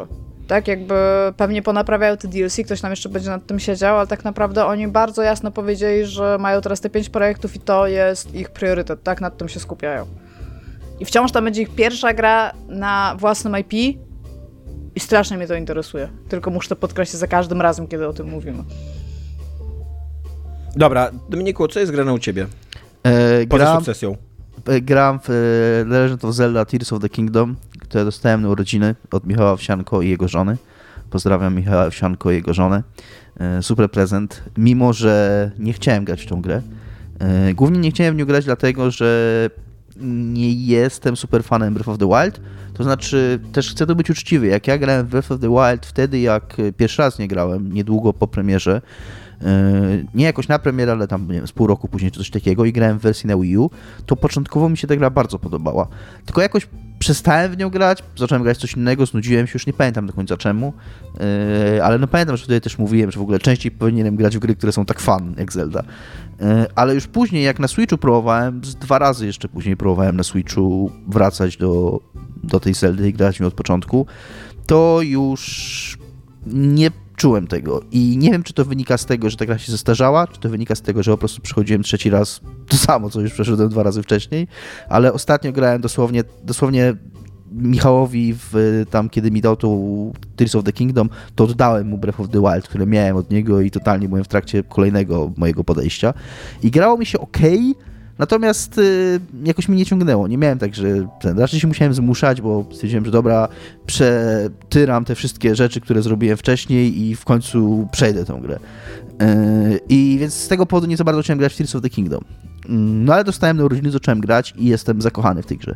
Jest fenomenalna i y, jest przede wszystkim dużo, dużo nowszą grą. Jakby to jest fakt. Tak, to jest to fakt. Ale, nie mamy jak się nie zgodzić z Tomaszem. ale nie tylko chodzi o... Ze mną? No, tak, że ty i ja nie mamy jak się nie zgodzić z faktem, że Tears of the Kingdom nie- jest nie się- grą niż Breath of nie- the Wild. Właśnie, ty z Tomaszem nie masz jak się nie zgodzić, a nie, nie masz jak się zgo- nie zgodzić z Tomaszem. Tak, tak, wiem, przepraszam, składnia e, dzisiaj nie najlepiej. E, słowa. Albo Y- nie macie, jakby liczby nogi, nie macie jak się zgodzić, nie zgodzić. No, Dobrze, dobra. wiemy o co chodzi w każdym razie. Tak. Nie, Nie, bo ja nagle tak myślałem, o kurde, Iga się ze mną zostańmy nie przy zgadza, tym. co nie? Przecież to Dominik mówi.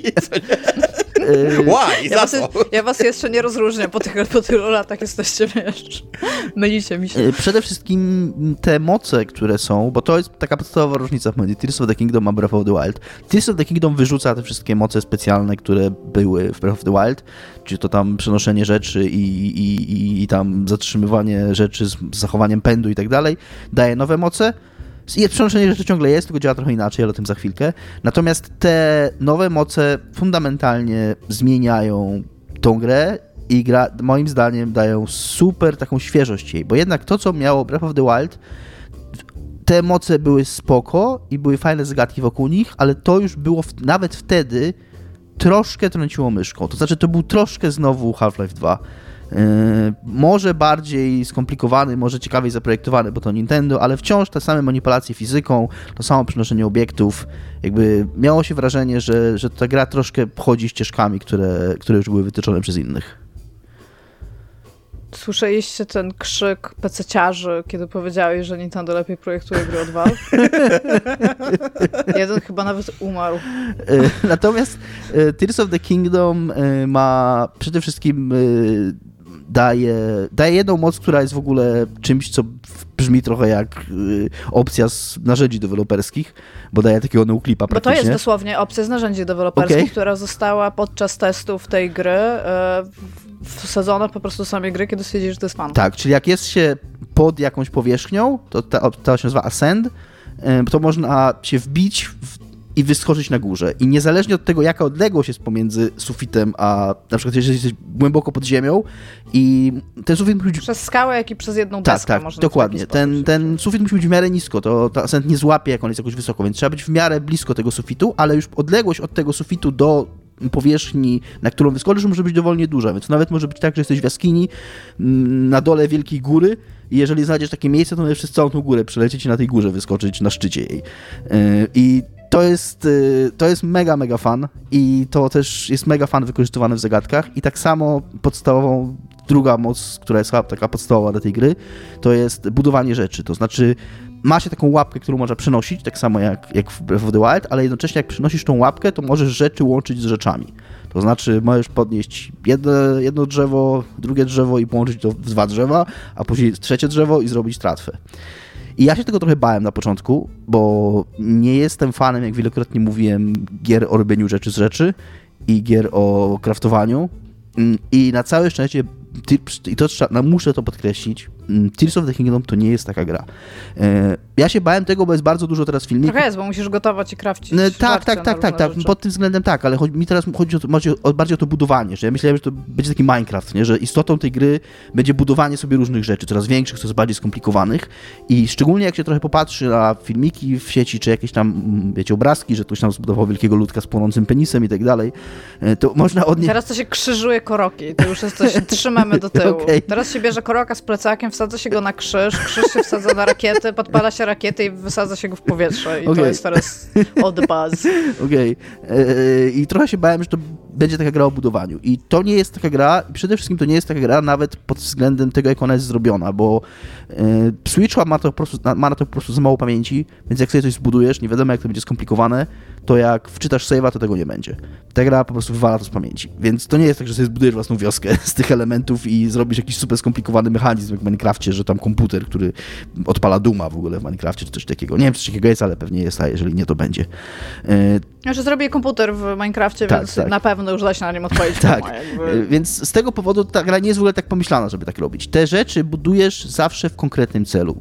Do rozwiązania zagadki w Shrine, do rozwiązania jakiejś zagadki w e, open world, żeby przedostać się z miejsca na miejsce, to zawsze sobie robisz rzecz, którą... Do stworzenia- krzyżować koroki. Do stworzenia Mesjasza, tak, z Koroka, którego akurat stworzyłeś Tak, ogólnie, i odpuszczenia nam grzechów. tak, znęcamy się nad korokami. Jak korok jest pod kamieniem, wciskamy B, korok dostaje w łeb kamieniem, mówi uff, jest fajnie, tak? Bierzemy typa z plecakiem, wyrzucamy ze skał, go zrzucamy, kładziemy go na drzewo, to wszystko jest ważne. A Tak. Liga też grasz, tak, cały czas?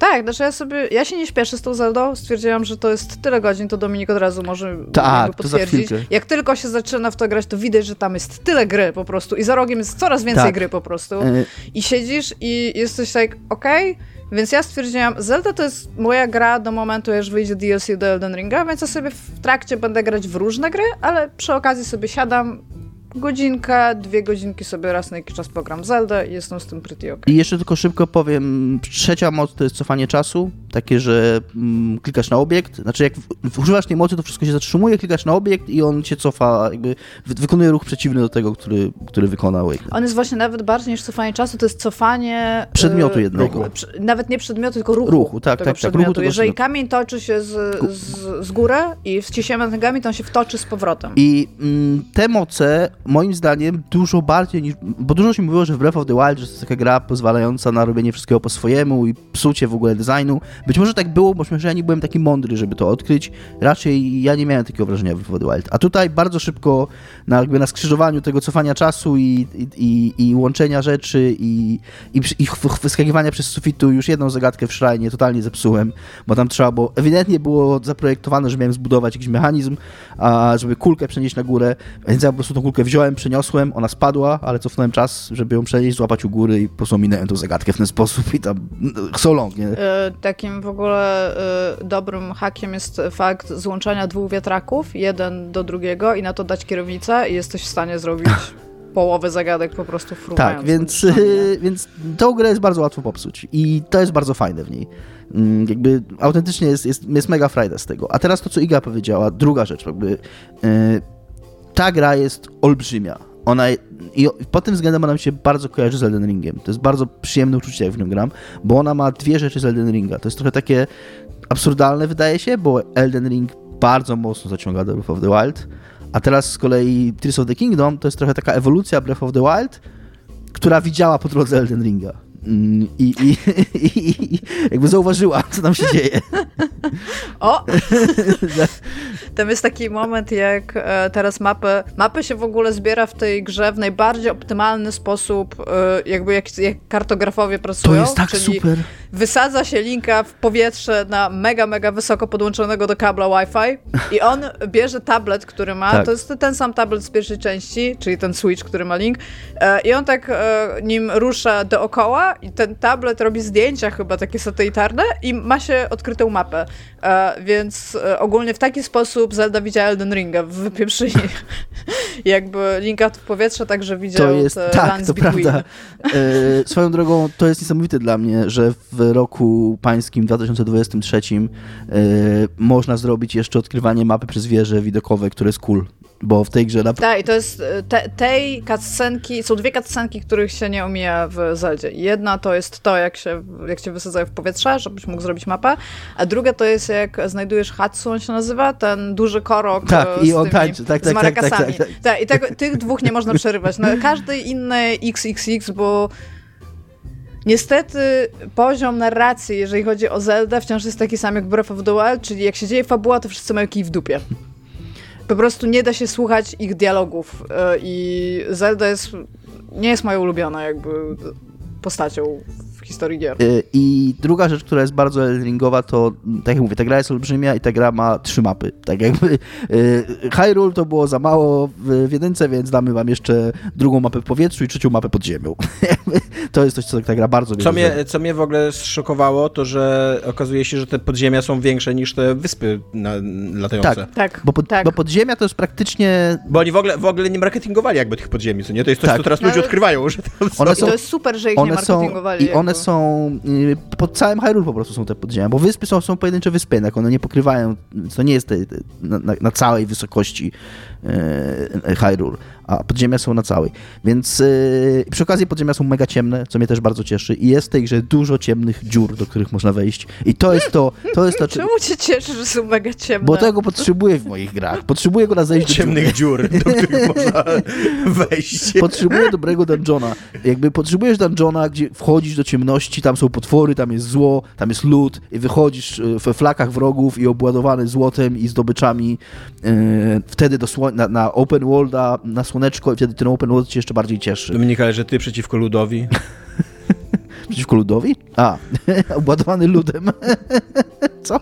Yy, I, i, i mam takie wrażenie właśnie, takiego, takie wrażenie, które miałem w Elden Ringu, że, że tam co chwilę w tej grze odkrywam i skala tego czegoś, co odkrywam, okazuje się dużo większa niż myślałem. Jest y, taka mm, w takiej pierwszej lokacji startowej, której zaczynasz, takim, to się Lookout Landing nazywa, taki obóz zbudowany przez y, Zaczynasz tam albo gdziekolwiek indziej, gdzie no to spadłeś. prawda, to prawda. E, No ale powiedzmy, Tak jak ja na przykład i potem trzeba dylać. ale w każdym razie ta gra tam tam przejść. kieruje na początku pierwszym obiektywem, Tak. jak już skończysz tutorial. E, I tam jest takie spanko pod ziemią, takie, taki, gdzie to może... To jest schron. Taki schron, tak tak, tak, tak, tak, no. tak. I schodzisz do tego schronu i w pewnym momencie tam pojawia się dziura w tym schronie i ktoś ci mówi, że tam coś, jest, coś gada za tą dziurą, nie? I wchodzisz do tej dziury i myślisz sobie, że tam będzie mała jaskinia, ale nie, tam kuna idziesz i idziesz, tam są coraz kolejne wielkie pieczary, na końcu których y, wykopałem sobie potwora i, i wykopałem sobie bossa ze skał i mnie zaatakował, nie? Tak jakby takie, takie ciągłe wrażenie, że, że tego jest więcej, że schodzisz gdzieś i tam, tak jak się ta mapa w Elden Ringu cały czas powiększała, to podobne mam wrażenie. I to, co mi się też bardziej podoba od Breath of the Wild, że mam takie wrażenie, że w tej grze jest więcej kontentu. Takiego, że jednak w Breath of the Wild dużo się mówiło o tym, że tam idziesz gdzieś i coś się, i wszędzie coś jest, i wszędzie coś się wydarza. Tylko to coś to był zazwyczaj albo ładny widoczek, albo korok, po prostu, że trzeba było kamyczki ułożyć i korok wyskakiwał. Trochę tak samo. No właśnie trochę nie, moim zdaniem. To, że jest dużo więcej takich, y, powiedzmy, powiedzmy, takich questów klasycznych, że gadasz do ludzika i coś, i jakby jest jakaś fabuła w tym, coś się No, dzieje. to też było...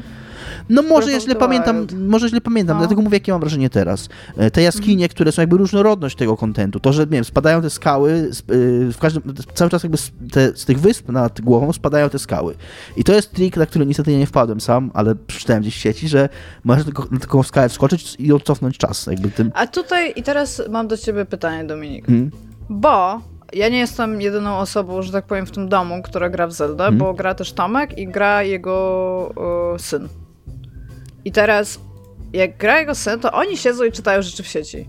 A moim zdaniem, jakby Tears Nie. of the Kingdom to jest powrót do lat 90., kiedy o grach się rozmawia, a nie powinno się o Tak, czytać. ja też nie czytam, nie czytam żadnych poradników, żadnych tych, to mi po prostu gdzieś mignęło, ktoś to powiedział. Bo, Okej. I, i, i staram się tak umiarkowanie, takie samo jak miałem z Elden Ringiem, też nie czytałem guide'ów, ale czasami jakiś, jakąś wskazówkę czy jakąś rzecz załapałem, albo ktoś mi powiedział, albo załapałem przez osmozę, albo gdzieś w jakimś komentarzu przeczytałem. dobra, ale nie wyszukujesz Nie na wyszukuję. Google, jak coś zrobić, nie, nie wyszukuję jak coś zrobić. I to jest też, nie, nie, nie wydaje ci się, że to jest super? To jest właśnie super. czasami nawet czegoś nie odkryjesz, ale potem z kimś o tym porozmawiasz i to porozmawianie to jest taka fajna rzecz, Tak. którą już dawno, dawno nie Tak, robimy. no ale mówię, ja nie wpadłem na to sam, ale możesz skoczyć na taką skałę i przewinąć jej czas i wlatujesz na górę do tych wysp. Że jakby Tak. ta różnorodność Czasami tam jest kuferek.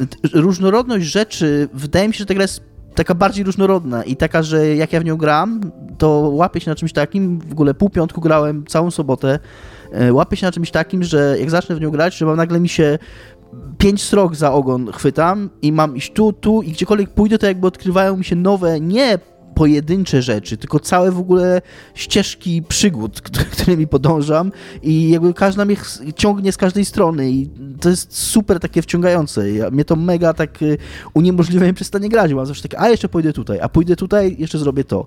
Y, Zbuduję, nie wiem, y, robię śledztwo z panem ptakiem, który się nazywa Pen, po, po tawernach i tam szukam śladów Zeldy i nagle buduję jakąś łódkę i płynę rzeką z typem, a tam po drugiej stronie, po drugiej stronie muszę zbudować wóz, żeby koroka, bo tam koroki wozisz wozem po, po tych... Nie musisz ich wozić wozem. Możesz wsadzić go centralnie na uprząż i jego ryjem orać pole. Albo możesz, I on wtedy płacze, ale to jest okej. albo przyczepić go do krzyża. Okay. I wysłać w kosmos. I zbawisz ludzkość. Mam też, dzięki tym nowym mocom, też te shriny są dla mnie dużo ciekawsze niż były w Breath of the Wild. Znów, po raz trzeci kolejny powiem, że jak tę grę trzeci raz przechodziłem, więc to też może być związane jakby przyczyna tego, że, że już mnie nużyły te szrajny, ale też ta pomysłowość y, zagadek, które są i tych, tych, y, tych możliwości, które oni ci dają, jak, jak właśnie był szrajn z tymi rakietami, żeby się budowało i podłączało rakiety do różnych rzeczy i wystrzeliwało je, był super i, i takie masz takie naprawdę wrażenie świeżości i, i, i takiej radochy. Ja się mega cieszę każdym szrajnem, którego znajduję, co w Breath of the Wild już nie miałem w pewnym momencie. Więc. Yy... Ja trochę tęsknię za jedną rzeczą z Breath mhm. of the Wild, gdzie e, pikało ci, jeżeli gdzieś w okolicy był shrine. I trzeba było, samo znajdywanie szrajna było taką zagadką środowiskową, to tutaj ono jest, ale przez to, że po prostu widzisz tego szrajna, mhm. że on tam gdzieś stoi, jest nad nim ten taki no taki wirek. rzecz, no. No, taki, taka, taki wirek. E, to jakby trochę mi brakuje tego, jak trzeba było mocno dylać. Ja wiem, że ciągle można je znajdywać i one są poukrywane niektóre pod ziemią na przykład.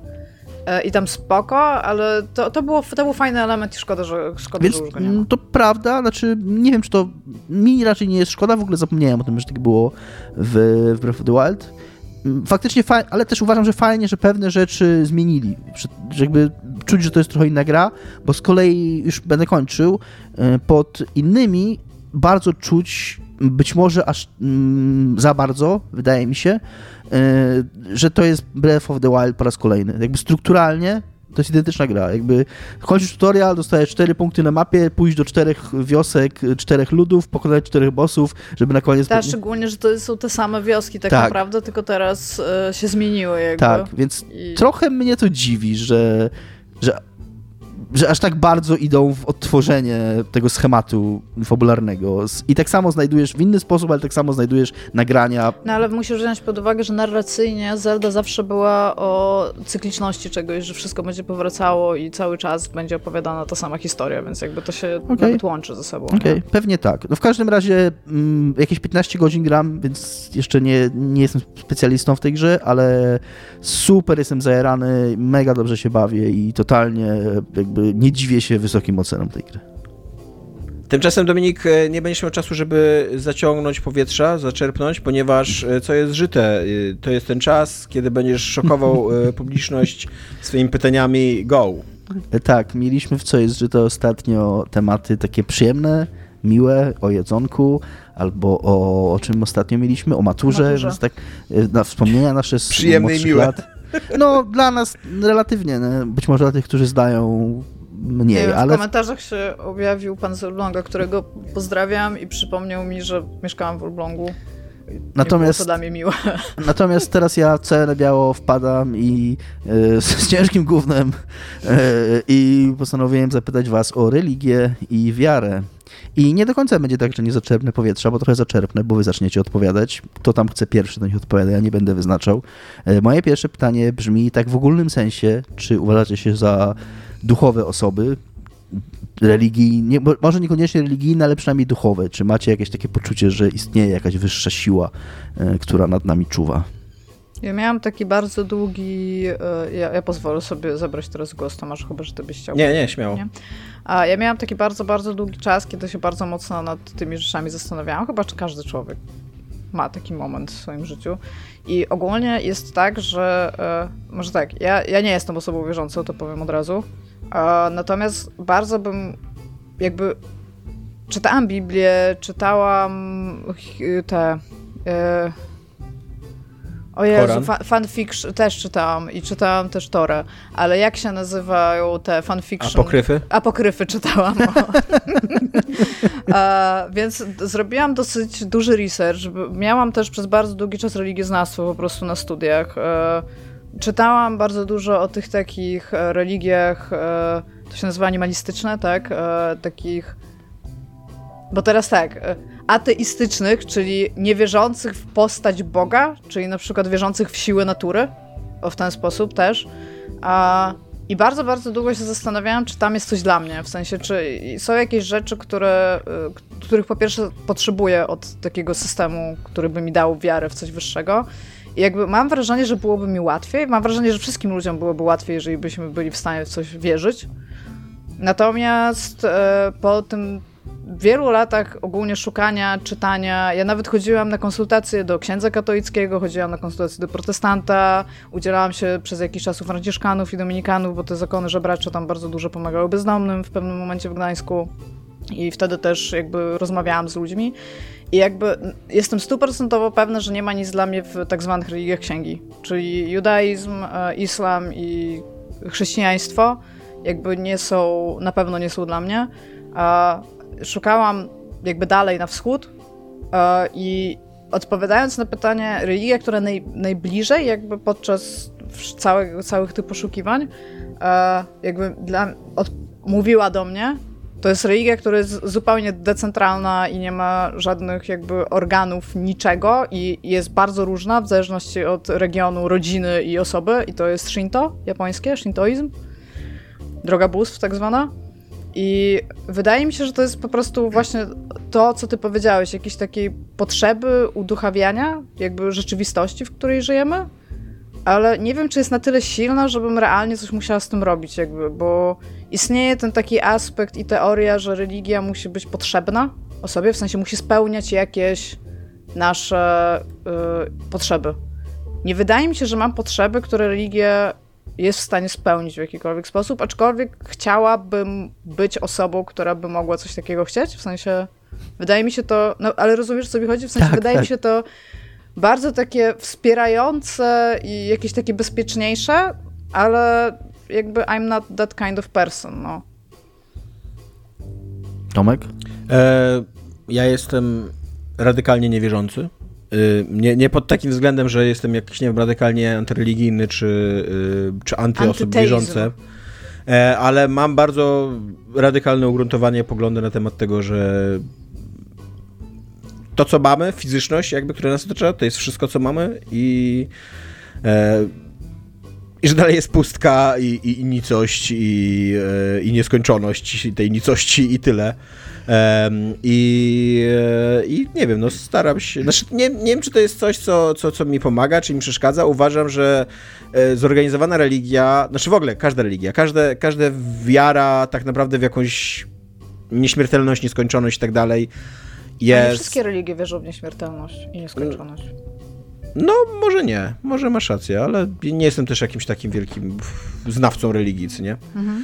E, w jakiś taki, nie wiem, wyższy porządek i e, to jest szukanie balsamu na, na taki przypisany, naturalny bezsens istnienia. Jakby to nie jest tak, że istniejemy na tym świecie w jakimś celu. To nie jest tak, mm. że ktoś nami kieruje. To nie jest tak, że istnieje prosty spis zasad, którymi należy się kierować. To nie jest tak, że ktoś nas, na nas patrzy, nas ocenia i, i, i że zostanie nam wypłacona nagroda, albo nie, że się reinkarnujemy w mrówce, czy nie, że tam y, y, Bóg nas będzie oceniał na sądzie ostatecznym, czy, czy Allah i tak dalej. Jakby tego nie ma, moim zdaniem. Jesteśmy tylko my i tylko ten świat i i tyle, co nie? I, i, e, i... I nasze decyzje, które nawet nie muszą być przyczynowo-skutkowe na sam koniec dnia, nie? Tak, tak. I uważam, uważam, że to jest trudniejsza jakby ścieżka życiowa, bo, bo to nie znaczy, że nie możesz być dobrym człowiekiem, że, że, jakby, że możesz być złym człowiekiem albo coś, to, że ktoś się nie ocenia, tylko, że musisz być dobrym człowiekiem dlatego, że chcesz być dobrym człowiekiem, że yy, no istnieje, istnieje coś takiego jakby, jak, jak, jak słuszne decyzje często i niesłuszne decyzje i nie, nie, nie, potrzebujesz Boga, nie potrzebujesz Biblii, nie potrzebujesz dziesięciu przykazań, żeby wiedzieć, że tam nie należy krzywdzić drugiego człowieka, co nie? E, i, e, I tak, i, i tylko, że jakby podejmujesz te decyzje dlatego, że tak powinieneś, dlatego że tak się ludzie zachowują, dlatego że tak jest lepiej i, i, i, fajniej, a nie dlatego, że ukaże cię, kurde, jeżeli podejmiesz inną decyzję, to na końcu twojej drogi ukaże cię y, wielki, zły, siwy pan, nie? Więc, więc tak, ja jakby, ja wierzę, ja wierzę, że, że nic nie ma jakby poza naturalną, nat, naturalnym wszechświatem, Czyli w aury istnieniem i tak dalej. Nie, w nic nie. A otwierasz czakry? Słucham? Może, nie, nie, nie otwieram, nie otwieram czakr, nie. Uważam, że ludzie wierzą i że, że głównym jakby powodem istnienia religii jest to, żeby nam było łatwiej, że, że to ułatwia. Ja to nawet, ja to rozumiem, jakby myślę, że każdy człowiek to rozumie, że dobrze jest wierzyć w coś, co ci ułatwia życie. Potrafię to szanować, jeżeli to jest, jeżeli wiara jest czyniona, znaczy wyznawana w sposób inteligentny, empatyczny, nie zakłócający tam y, żyć innych ludzi, nie nienawistny i tak dalej. Uważam, że to jest bardzo, trochę mam taki pogląd jak Pratchett miał, co nie? Pratchett był też ateistą, ale bardzo rozumiał potrzeby wiary, jakby, że ludzie mają potrzebę wiary. Nie? Ja też staram się ją rozumieć i dostrzegam mnóstwo dobrych, ciekawych rzeczy. Bardzo lubię postać Chrystusa jako, jako taką postać historyczną, jakby całą przypowieść o Chrystusie, to co on głosił, jak wyglądało jego życie, jak, e, jak wyglądał jego proces i, i tak dalej. po i tak 30 miał 12 bliskich przyjaciół. Jakby no super, jakby uważam, że to jest jego największe życiowe osiągnięcie, Tak. nie? Jakby to, centralnie tam jest, wiesz, to jest lepsze niż zbawienie ludzkości, kurde, od grzechu, co nie? że udało mu się utrzymać, kurde, wiesz, znajomych, co nie? Jedli, tak. spali razem, w ogóle Tak. super, super rzeczy tam robili. Ale jeżeli, jeżeli jakby, y, y, ja nie tak lubię go też... lubili, że napisali o nim książkę w ogóle, to jest taka przyjaźń. Ja nie, lubię, ja nie lubię sam siebie okłamywać i też uważam, że trochę nie ma sensu samego siebie okłamywać, bo jak okłamujesz sam siebie, to wiesz, że okłamujesz sam siebie, to to jest jakby taki bezsensowny proces trochę, co nie? I nie okłamuję się w tej kwestii. Uważam, że nic nie ma, że nikt na mnie nie patrzy, że jak umrę, to zniknę i tyle, nie? Ale tutaj chciałam zauważyć, bo ja pamiętam, że to był bardzo duży aspekt e, właśnie na zajęciach religioznawczych. Bardzo często wracasz do e, życia pozagrobo- pozagrobowego, nie? Ale tak naprawdę większość religii naprawdę nie ma w ogóle tego aspektu w sobie wpisanego. Jakby ma, masz tu teraz jakby jakaś moc, czy jakiś byt nad tobą e, wynagradza cię tu i teraz. Bardzo dużo tego jest w judaizmie na przykład. Y, Ja z jednej strony mm, tak uważam się za człowieka, który stara się raczej y, podchodzić do świata, no nie chcę naukowo, ale jakby wierzyć nauce i pod tym względem ciężko mi się jest nie zgodzić z Tomkiem na takim fundamentalnym poziomie, że to jest coś, co Michał Owsianko, pozdrawiam po raz kolejny Michał Owsianko, ostatnio powiedział przy jakiejś okazji, kiedy mówiliśmy o, o pustce, która nas czeka po śmierci, że jemu jest łatwo to sobie wyobrazić, ponieważ y, wie, że świat, że jakby okres, cza- znaczy przestrzeń na linii czasu od powstania wszechświata mm, do momentu jego urodzenia, jakby go nie było. I po momencie urodzenia, jakby o, ju, już były czasy, kiedy go nie było, więc jakby ogarnięcie tego, że go nie będzie później, jakby nie jest dla niego trudne z tego powodu. Jakby intelektualnie to rozumiem. Yy, ale tak, yy, ja mam sobie dużą potrzebę duchowości, niezrealizowaną obecnie, jakby bardzo jestem rozczarowany y, instytuc- z instytu- no, instytucyjną religią, w, gdzie w, Pol- w Polsce rozumiano po prostu przez Kościół katolicki. Y, Ale mam takie poczucie, którego nie potrafię wyeliminować w sobie. Jakby mając pełną świadomość tego, nawet jak słuchałem tego, co Tomek mówił, y, to miałem w sobie dwa wilki. Jeden wilk mówił mi to, co Chyba ten się człowiek mówi. całują. E, Ty, jeden wilk mówił mi, że wszystko, co mówi Tomek, ma sens i jakby intelektualnie powinienem się z tym zgadzać, ale miałem taką silną, mm, silne poczucie, że tak nie może być, że nie wiem, nie jestem No w to stanie jesteś go naprawdę bardzo blisko wiary w takim razie. Jakby Nie jestem w stanie- Słyszysz tak. argumentów, znaczy słuchasz czyjeś argumentów, one mają Nie- totalnie sens, ale nie. No przykro mi, ale trochę tak. trochę takie miałem uczucie. Jakby nie chcę tego podważać, jakby nie chcę, ni- nie w tym sensie. Jakby moja, mój stan ducha i mój stan umysłu jest taki, że być może dlatego, że tego potrzebuję, być może, być może dlatego, że mi to ułatwia coś, ale w coś wierzę. Co, nie wiem, co to jest. Mm, Gdybym miał to zwerbalizować, obecnie, jak na to patrzę, to wierzę, że istnieje pewna sprawiedliwość na świecie.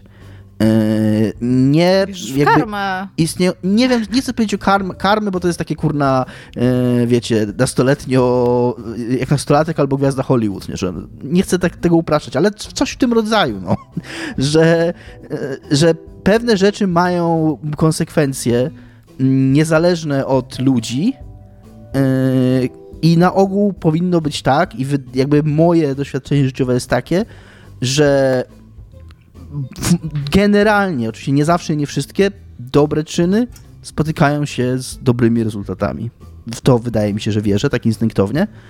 Yy, I jednocześnie wierzę w to, znaczy uważam, że to jest fakt y, naukowy akurat, y, reinkarnacja. Nie w takim sensie dosłownym oczywiście, Chodzi ale... o zachowanie energii. chodzi mi o zachowanie energii, tak jakby jak umrzemy, nasz, jakby my jako materia i energia, z której jesteśmy zbudowani, ona nie zniknie. No dobra, ale czy uważasz, że jak istnieje jakaś dusza, która jest właśnie Nie wiem. energią, która zostanie zachowana Właśnie, i... nie wiem. Mm, Tego nie wiem. To jest ciężko. mi- Ja też nie potrafię się zmierzyć z, tak jak Michał Owsianko, z y, myślą o swoim nieistnieniu i z pustką, która będzie później. E, Wydaje mi się, że nie wierzę w takie życie grobowe dosłowne. Wydaje mi się również, że mm, ta religia, której mielibyśmy, my byliśmy uczeni, to o czym Tomek mówił, czyli że jest jakiś pan na górze, który nas będzie osądzał na, na sądzie ostatecznym. Oprócz tego, że to ułatwia ludziom, to też wydaje mi się, że to powstało i to bardzo czuć, jak się człowiek to wczyta, że to bardzo ułatwiało jednym ludziom kontrolowanie innych ludzi i mówienie im, co mają robić, jak się mają zachowywać i tak dalej. E, Więc to taka wizja, wiecie, zasad, które trzeba, które są nienaruszalne i które trzeba przestrzegać, ponieważ mm, wiecie, nastąpi coś bardzo, bardzo złego i to są bardzo konkretne, mm, wyszczególnione, jak prawie kurna w y, kodeksie karnym, że to jest takie trochę oderwane od y, właśnie od duchowości, tak, która nie powinna na tym chyba polegać, że mam jakiś algorytm, którym postępuję, tak? E, I wtedy, jeżeli go dobrze wykonam, to, to będę żył wiecznie później na koniec. Mm, Więc w to raczej nie wierzę, ale, ale, ale znów mam te dwa wilki w sobie i, Chyba się całują. i, i jakoś, y, no po prostu tak mam. Nie, nie, nie potrafię tego uzasadnić do końca, bo, bo, e, bo tak. Co Ja tu jak, jeżeli miał jakby powiedzieć tak hasłowo w co wierzę, to jest pustka i bezsens. To jest smutne dość. Nie, właśnie nie. To Imiona moich dzieci.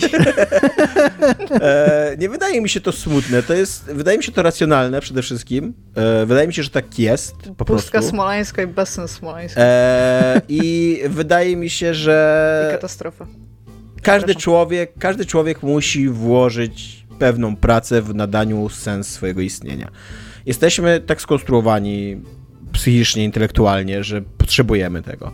Wydaje mi się, że uczciwsze jest włożenie pracy w nadanie sensu swojego istnienia w momencie, kiedy wiesz, że ono nie ma żadnego sensu, że ono jest bezsensowne i przypadkowe i że nie czeka na ciebie nic więcej niż pustka, niż wiara w jakieś takie podsunięte, opracowane od tysięcy lat odpowiedzi, jakieś takie grupowe rozwiązania w, w, sprzedawane ci w promocji, w markecie, co nie, w bardzo poczytych książkach i poradnikach, co nie, typu typu Biblia czy Koran.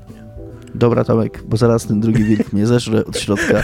E, tak patrzę na te swoje pytanie i w zasadzie wszystko w ten czy inny sposób poruszyliśmy. Mam tu jedno pytanie o pewną konkretną e, instytucję religijną, ale pominę je po prostu, bo tak zdecydowałem, że tak zrobię. E, Więc zapytam was na koniec, gdybyście mieli własną religię skonstruować, mm, zbudować własny system wierzeń, to co byłoby u jego podstaw? Chyba Ja uważam, ja, ja mogę zacząć. Tak, ja uważam, że chrześcijaństwo w samym sednie swoim ma rewelacyjny system. E, ma jedno przykazanie, przykazanie miłości, które, y, jak mówi tam chyba Jezus, że ono jest nawet wa- ważniejsze niż 10 przykazań. Kochaj bliźniego siebie jak, sobie, jak siebie samego. Taki powinien to być Asterix, o ile tam nie nienawidzisz siebie albo coś, co nie? Ale właśnie taka em, empatia i bezinteresowne czynienie dobra. I to, czego nauczał Chrystus w historii o Chrystusie, nie, nie, nie, w, nie w tym, jak my dzisiaj zinterpretowaliśmy ją, jak wykrzywiliśmy, jak pomijamy jakieś niewygodne jej aspekty i tak dalej, nie? Ale sam życiorys Chrystusa, czy nie? Człowieka, który był zawsze za słabszymi, e, zawsze przeciwko mm, silniejszym władzy i tak dalej, nie? Który zawsze, który był gotów umrzeć w strasznych cierpieniach, po to, żeby innym żyło się lepiej, nie? który zawsze był gotów poświęcić siebie i właśnie i, i dawać z siebie i, i, i mówił, że musimy widzieć drugiego, w, dru- w drugim człowieku tak cenną istotę dla nas, jak my sami jesteśmy dla siebie, co nie? Uważam, że to jest zajebiste i chciałbym, żebyśmy według tego, że gdybym miał stworzyć jakby, To po prostu załóż to po prostu odłam, byłbym kolejnym Jezusem. o, o, załóż nowy odłam kościoła katolickiego. Tak o sobie myślę, jakby, co, co, co już mogę powiedzieć. Ale też Ja? e, e, chciałbym, jakby, jakby to był mój, mój e, mm, moja religia, mój program religijny, to chciałbym, żeby w nim też było właśnie zaszyte to, że musisz być dobrym człowiekiem dla innego człowieka, musisz być empatyczny i tak dalej, dlatego, że nic więcej nie ma. Dlatego, dlatego to jest tym bardziej ważne, że jesteśmy tylko my, tylko my dla siebie i, i, i nic więcej. Iga? Giga? Ja myślę, że ja nie wiem, ja nie wiem jaka byłaby moja religia, ale wiem jedno. Zjadłem się kupy. super czapki. I byśmy, byśmy jedli To jest- kupy. To jest dla mnie tak ważna rzecz, żeby nosić super czapki. Nie, no ja pewnie bym zrobiła coś takiego jak Tomek, tylko mnie te religie, księgi totalnie nie robią. Jakby szukałam tam bardzo, bardzo, bardzo długo. Analizowałam i Stary Testament, i Nowy Testament, i No ale czytałam i historia o. Jezusie, jako, jako sama historia, mnie mnie ona nie interesuje ruszacie? zupełnie. Bo ja uważam, że to jest świetna narracja, absolutnie. Znaczy, jakby, Uważam, że... może dlatego, że ona już jest mi tak bardzo znana, jakby tak, należy czynić dobro, ale takich historii ludzi, którzy czynili dobro, którzy wszy- wszystkiego wyrzekli, no okej, być może nie umarli na krzyżu, tak, za ludzkość, być może to go różni troszeczkę od innych ludzi, ale to jest jakby, to jest takie coś, co wraca, nie, jakby to... to No tak, tak, ja się zgadzam. Ja to, nie, to masz w absolutnie, każdym co nie, narodzie, tak, w to każdej jest kulturze masz taką postać. Totalnie tak? historia o Jezusie jest mitem, co nie? Tam reinterpretowanym, i powtarzanym i tak dalej. I super spoko, i jakby bardzo fajnie. I powinniśmy tak czynić ogólnie, tak? Ale jakby jak ja bym miała robić religię, w ogóle to jest dla mnie bardzo dziwne, jak ja miała robić religię. To nie jest, żeby miałaby spoko czapki, to ona by na pewno była związana w jakiś sposób z naturą, bo po prostu ja nie wierzę w fakt, że jesteśmy w stanie ogarnąć rzeczywistość i wszechświat, tak? Bo to też nam po, pozwala usystematyzować system religijny, tak? Żeby tam w tym chaosie zapanował jakiś porządek dzięki właśnie, tak jak mówi Tomek, ogarnianiu jakichś zasad. Jeżeli będziesz robił tak, to będzie pretty okay, jakby, tak? Więc róbmy to. A, a inaczej przyjdzie pan i cię walnie piorunem kulistym i, i wtedy będzie źle. A, tylko ja myślę, że to by właśnie było jakieś takie medytowanie w naturze. Czyli to jestem bardziej tam na wschód. To, to, to mnie bardziej, to, te, te nauki zawsze do mnie bardziej przemawiały i one były jakieś takie, ten, ten taki jakby wejście do siebie, żeby znaleźć rzeczy, jest dla mnie bardzo, bardzo okej i bardzo ważne. Ja też połowę mojego życia spędziłam w bibliotece, żeby się dowiadywać rzeczy na swój temat, tak? Więc jest to jakiś tam pewnie część mojego życia, którą być może takie coś by tam spełniało i te, takie potrzeby. Ale byśmy mieli super czapki, guys. Dominika Ja pierniczę, jakie byśmy mieli super czapki. Ja w ogóle się zgadzam bardzo z tobą, Tomek, bardzo z tobą, Tomek. Ja bardzo tęsknię za takim katolicyzmem, w jaki ja wierzyłem, pomijając nawet wiarę w Boga, tylko sam, samą ideę kościoła katolickiego, w takim katolicyzmem nowotestamentowym, klasycznym, właśnie jak ty opowiedziałeś. Już nie będę tego powtarzał, ale w ogóle do tego tematu zainspirowało mi coś, co przeczytałem na reddicie, chyba z Twittera, jakąś rzutkę jakiegoś republikańskiego, czy to polityka, czy działacza amerykańskiego, który argumentował, że e, czasami mm, jest moralne słusznie, żeby człowiek był głodny. Jakby, że niektórzy ludzie po prostu zasługują na to, żeby być głodni. I jakby w zestawieniu z takim właśnie katolicyzmem i takim epatowaniem wiarą w Boga i Jezusa u amerykańskich republikanów, e, mnie to strasznie uderzyło. I, i właśnie ja sobie konkretnie pomyślałem, jakby wszystko to, co powiedział Tomek, się zgadzam, ale konkretnie uważam, że jesteśmy w stanie rozwiązać problem głodu na świecie, stać nas na to e, w XXI wieku e, i uważam, że to było jedno, głodnych nakarmić i y, spragnionych napoić, tak? I chyba przychodzić jeszcze Chorych tam innych. nawiedzić jeszcze Tak, było. tak, tak. pamiętam. Ale E, przynajmniej, że... głodnych nakarmić, spragnionych napoić, nagich przychodzić, Nagich podróżnych w dom tak. przyjąć, więźniów pocieszać, chorych nawiedzać, umarłych pogrzebać. Ja to dzisiaj Tak. nawiedzam chorych. Jak Tomek jest chory, to robię uuu. Jeszcze są uczynki miłosierdzia względem duszy. Y, Uważam, że u, podstaw mojej religii konkretnie powinno być to, żeby ludzie mieli jedzenie. że, żeby karmić ludzi po prostu. Że to jest tak podstawowa rzecz, że... y, Tomek? Że, że tak. Słucham. Bo Dominik, rozumiem, że skończyłeś myśl tutaj. Mhm. Ja bym się chciała być, jaka jest twoja ulubiona przy, przypowieść? Ale jaka przypowieść? No Taka- Jezusa, tą, którą Jezus, no, bo Jezus nauczał elipsami, tak? On metafory Jezu, nie pokazywał wiem, nie mam pojęcia. Nie, ja, ja nie jestem tak głęboko obeznany z historią Jezusa, żeby znać wszystkie jego przypowieści. życiu. Nie, tylko myślałam, że może masz jakąś swoją ulubioną, nie? Nie, Ale- nie, nie, nie, nie, nie, nie, nie. Więc tak. Dziękuję wam. Mam nadzieję, że y, unikniemy... Natomiast gniewu. uważam, e, tutaj może trochę się uratuję z tej sytuacji, uważam, że absolutnie kluczową sceną dla współczesnego chrześcijani, chrześcijaństwa powinna być scena wygnania kupców z kości- ze świątyni przez Jezusa. Tą flipping tables był. Absolutnie, absolutnie zapomniana i ignorowana dzisiaj. Znaczy ona, jest, ona się w memy wydała, ale jakby w interpretacji ludzi, którzy powinni ją interpretować, jakby tak, została odsunięta. Tak, zgadzam się. Ja w ogóle wyszłam y, w tym odcinku jakąś taką nawiedzoną yoga laskę, ale też nie jestem jakby co. Tylko chcę powiedzieć. Totalnie, totalnie jesteś. Idę medytować w lesie, otwierać czakry. Czakrę za czakrą będę otwierać. Dobra, tymczasem sukcesja e, się skończyła, czwarty sezon. Jak się teraz czyta najważniejszego serialu w historii telewizji, z czym się w ogóle totalnie nie zgadzam. E, tutaj e, szybko powiem, bo Tomek powiedział, że powinniśmy o tym powiedzieć, jak będziemy Tak, zaczynać mówić. chciałem. Jeżeli nie chcecie. A, przepraszam.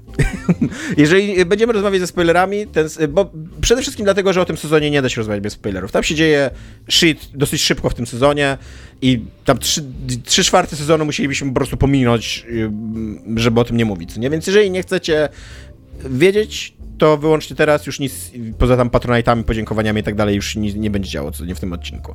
Więc tak, e, teraz już gadamy ze spoilerami, czwarty sezon. e, Dominik, ty zaczynasz, czy ja zaczynam? Jak wolisz. To mogę ja zacząć. Możesz ja, zacząć. e, Ja zacznę może dlatego, że ja w ogóle wprowadziłem e, sukcesję do Niezastąpialnych. Pamiętam, że jako pierwszy ją tutaj polecałem. Dominik wtedy zaczął oglądać, też mu się spodobało i doszło do tego, że w końcu Dominikowi się bardziej podobał ten serial, zwłaszcza początek czwartego sezonu. Ja po trzecim sezonie byłem już mega zmęczony tym serialem, e, głównie dlatego, że to jest serial, który się bardzo tapla sam w sobie, jakby bardzo jest zakochany sam w sobie, w swoich postaciach, w pisarstwie. To jest świetne pisarstwo swoją drogą, uwielbiam w ogóle dialogi, tam te pyskówki i tak dalej, to, to jest rewelacja, co, nie, co się dzieje w tym, w tym serialu. Ale on jest strasznie w siebie zapatrzony, zakochany i on w trzecim sezonie już moim zdaniem był strasznie wtórny, już to powtarzanie w kółko tej takiej mantry, że Logan zawsze wygrywa, że te dzieciaki są takie od niego uzależnione emocjonalnie, że nic nie potrafią zrobić, że, że on zawsze nim manipuluje i że zawsze zmanipuluje wszystkich dookoła i tak dalej, co nie? Że bogactwo jest obrzydliwe, że oni są amoralni, że na takim poziomie bogactwa już po prostu nie myślisz o normalnych ludziach i tak dalej. To zaczęło być e, nudne i powtarzalne, ale przede wszystkim ten serial e, w ogóle nie pokazywał stawki, moim zdaniem, tego, co tam się dzieje. I to na, na różnych poziomach. On nie pokazywał po pierwsze ofiar, poza tą słynną sceną. I to jest w ogóle swoją drogą jedną z najlepszych scen w tym serialu. Jak, jak oni grają w baseball Tak. bodajże, tak? I tam, i, I tam dla zabawy biorą chłopca takiego ośmioletniego, czy tam dziesięcioletniego i mówią mu, że dadzą mu milion dolarów, jeżeli on odbije piłkę, nie? I tym jakby mieszają mu w życiu, w psychice konkretnie, tak. I to jest właśnie pokazane, że jest, jest prawdziwy człowiek, którego nagle właśnie dotyka ich bezwzględność i takie właśnie obrzydliwość, i tak degranulada moralna, co nie? I, i, I my widzimy, jakie to są konsekwencje. Później tego prak- praktycznie w tym serialu nie ma, co nie? Eee, a po drugie, to też jest serial, który bardzo kiepsko radzi sobie ze stawkami, które on sam sobie wyznacza. Bo tam co 3-4 odcinki jest po raz kolejny kolejny Everest do zdobycia. Kolejna transakcja, która musi zostać zrobiona. Kolejny zamach na Logana, który musi zostać przeprowadzony, bo jak nie, to wszyscy zginiemy. Kolejne, kolejne dochodzenie senackie, które już nas zniszczy wszystkich.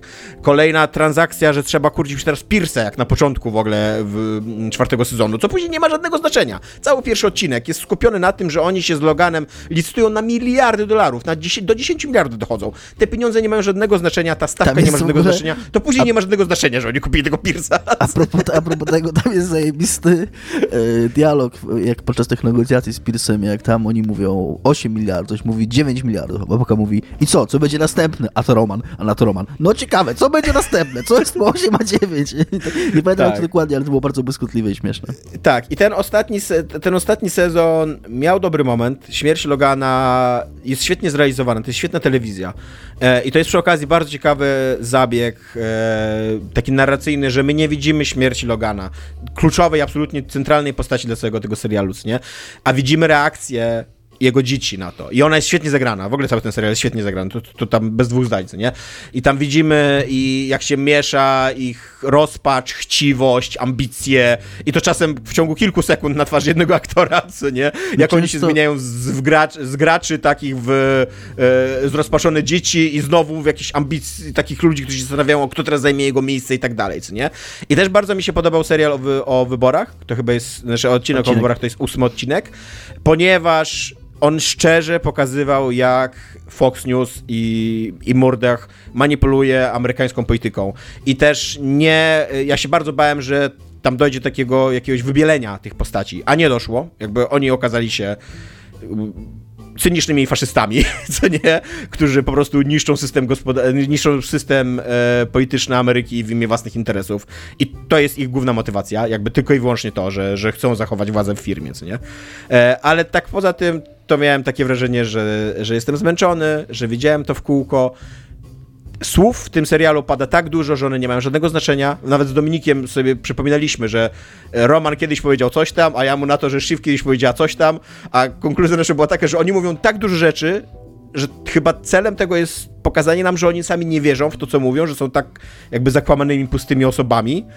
Eee, ale to prowadzi do tego, że ja słucham, jakby poświęcam 10 godzin na sezon, a później się okazuje, że to, co oni mówili, nie ma żadnego znaczenia, bo to nie jest to nie, ma, to nie jest materia, to jest tylko taki wyżyk po prostu słowny jakiś.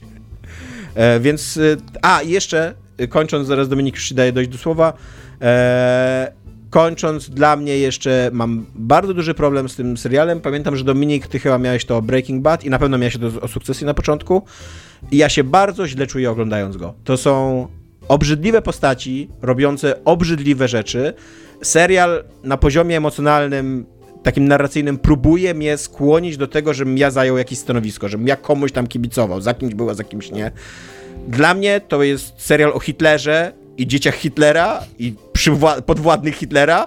Ja nie potrafię tam nikomu kibicować i ja po prostu czułem się niekomfortowo przez te 10 godzin.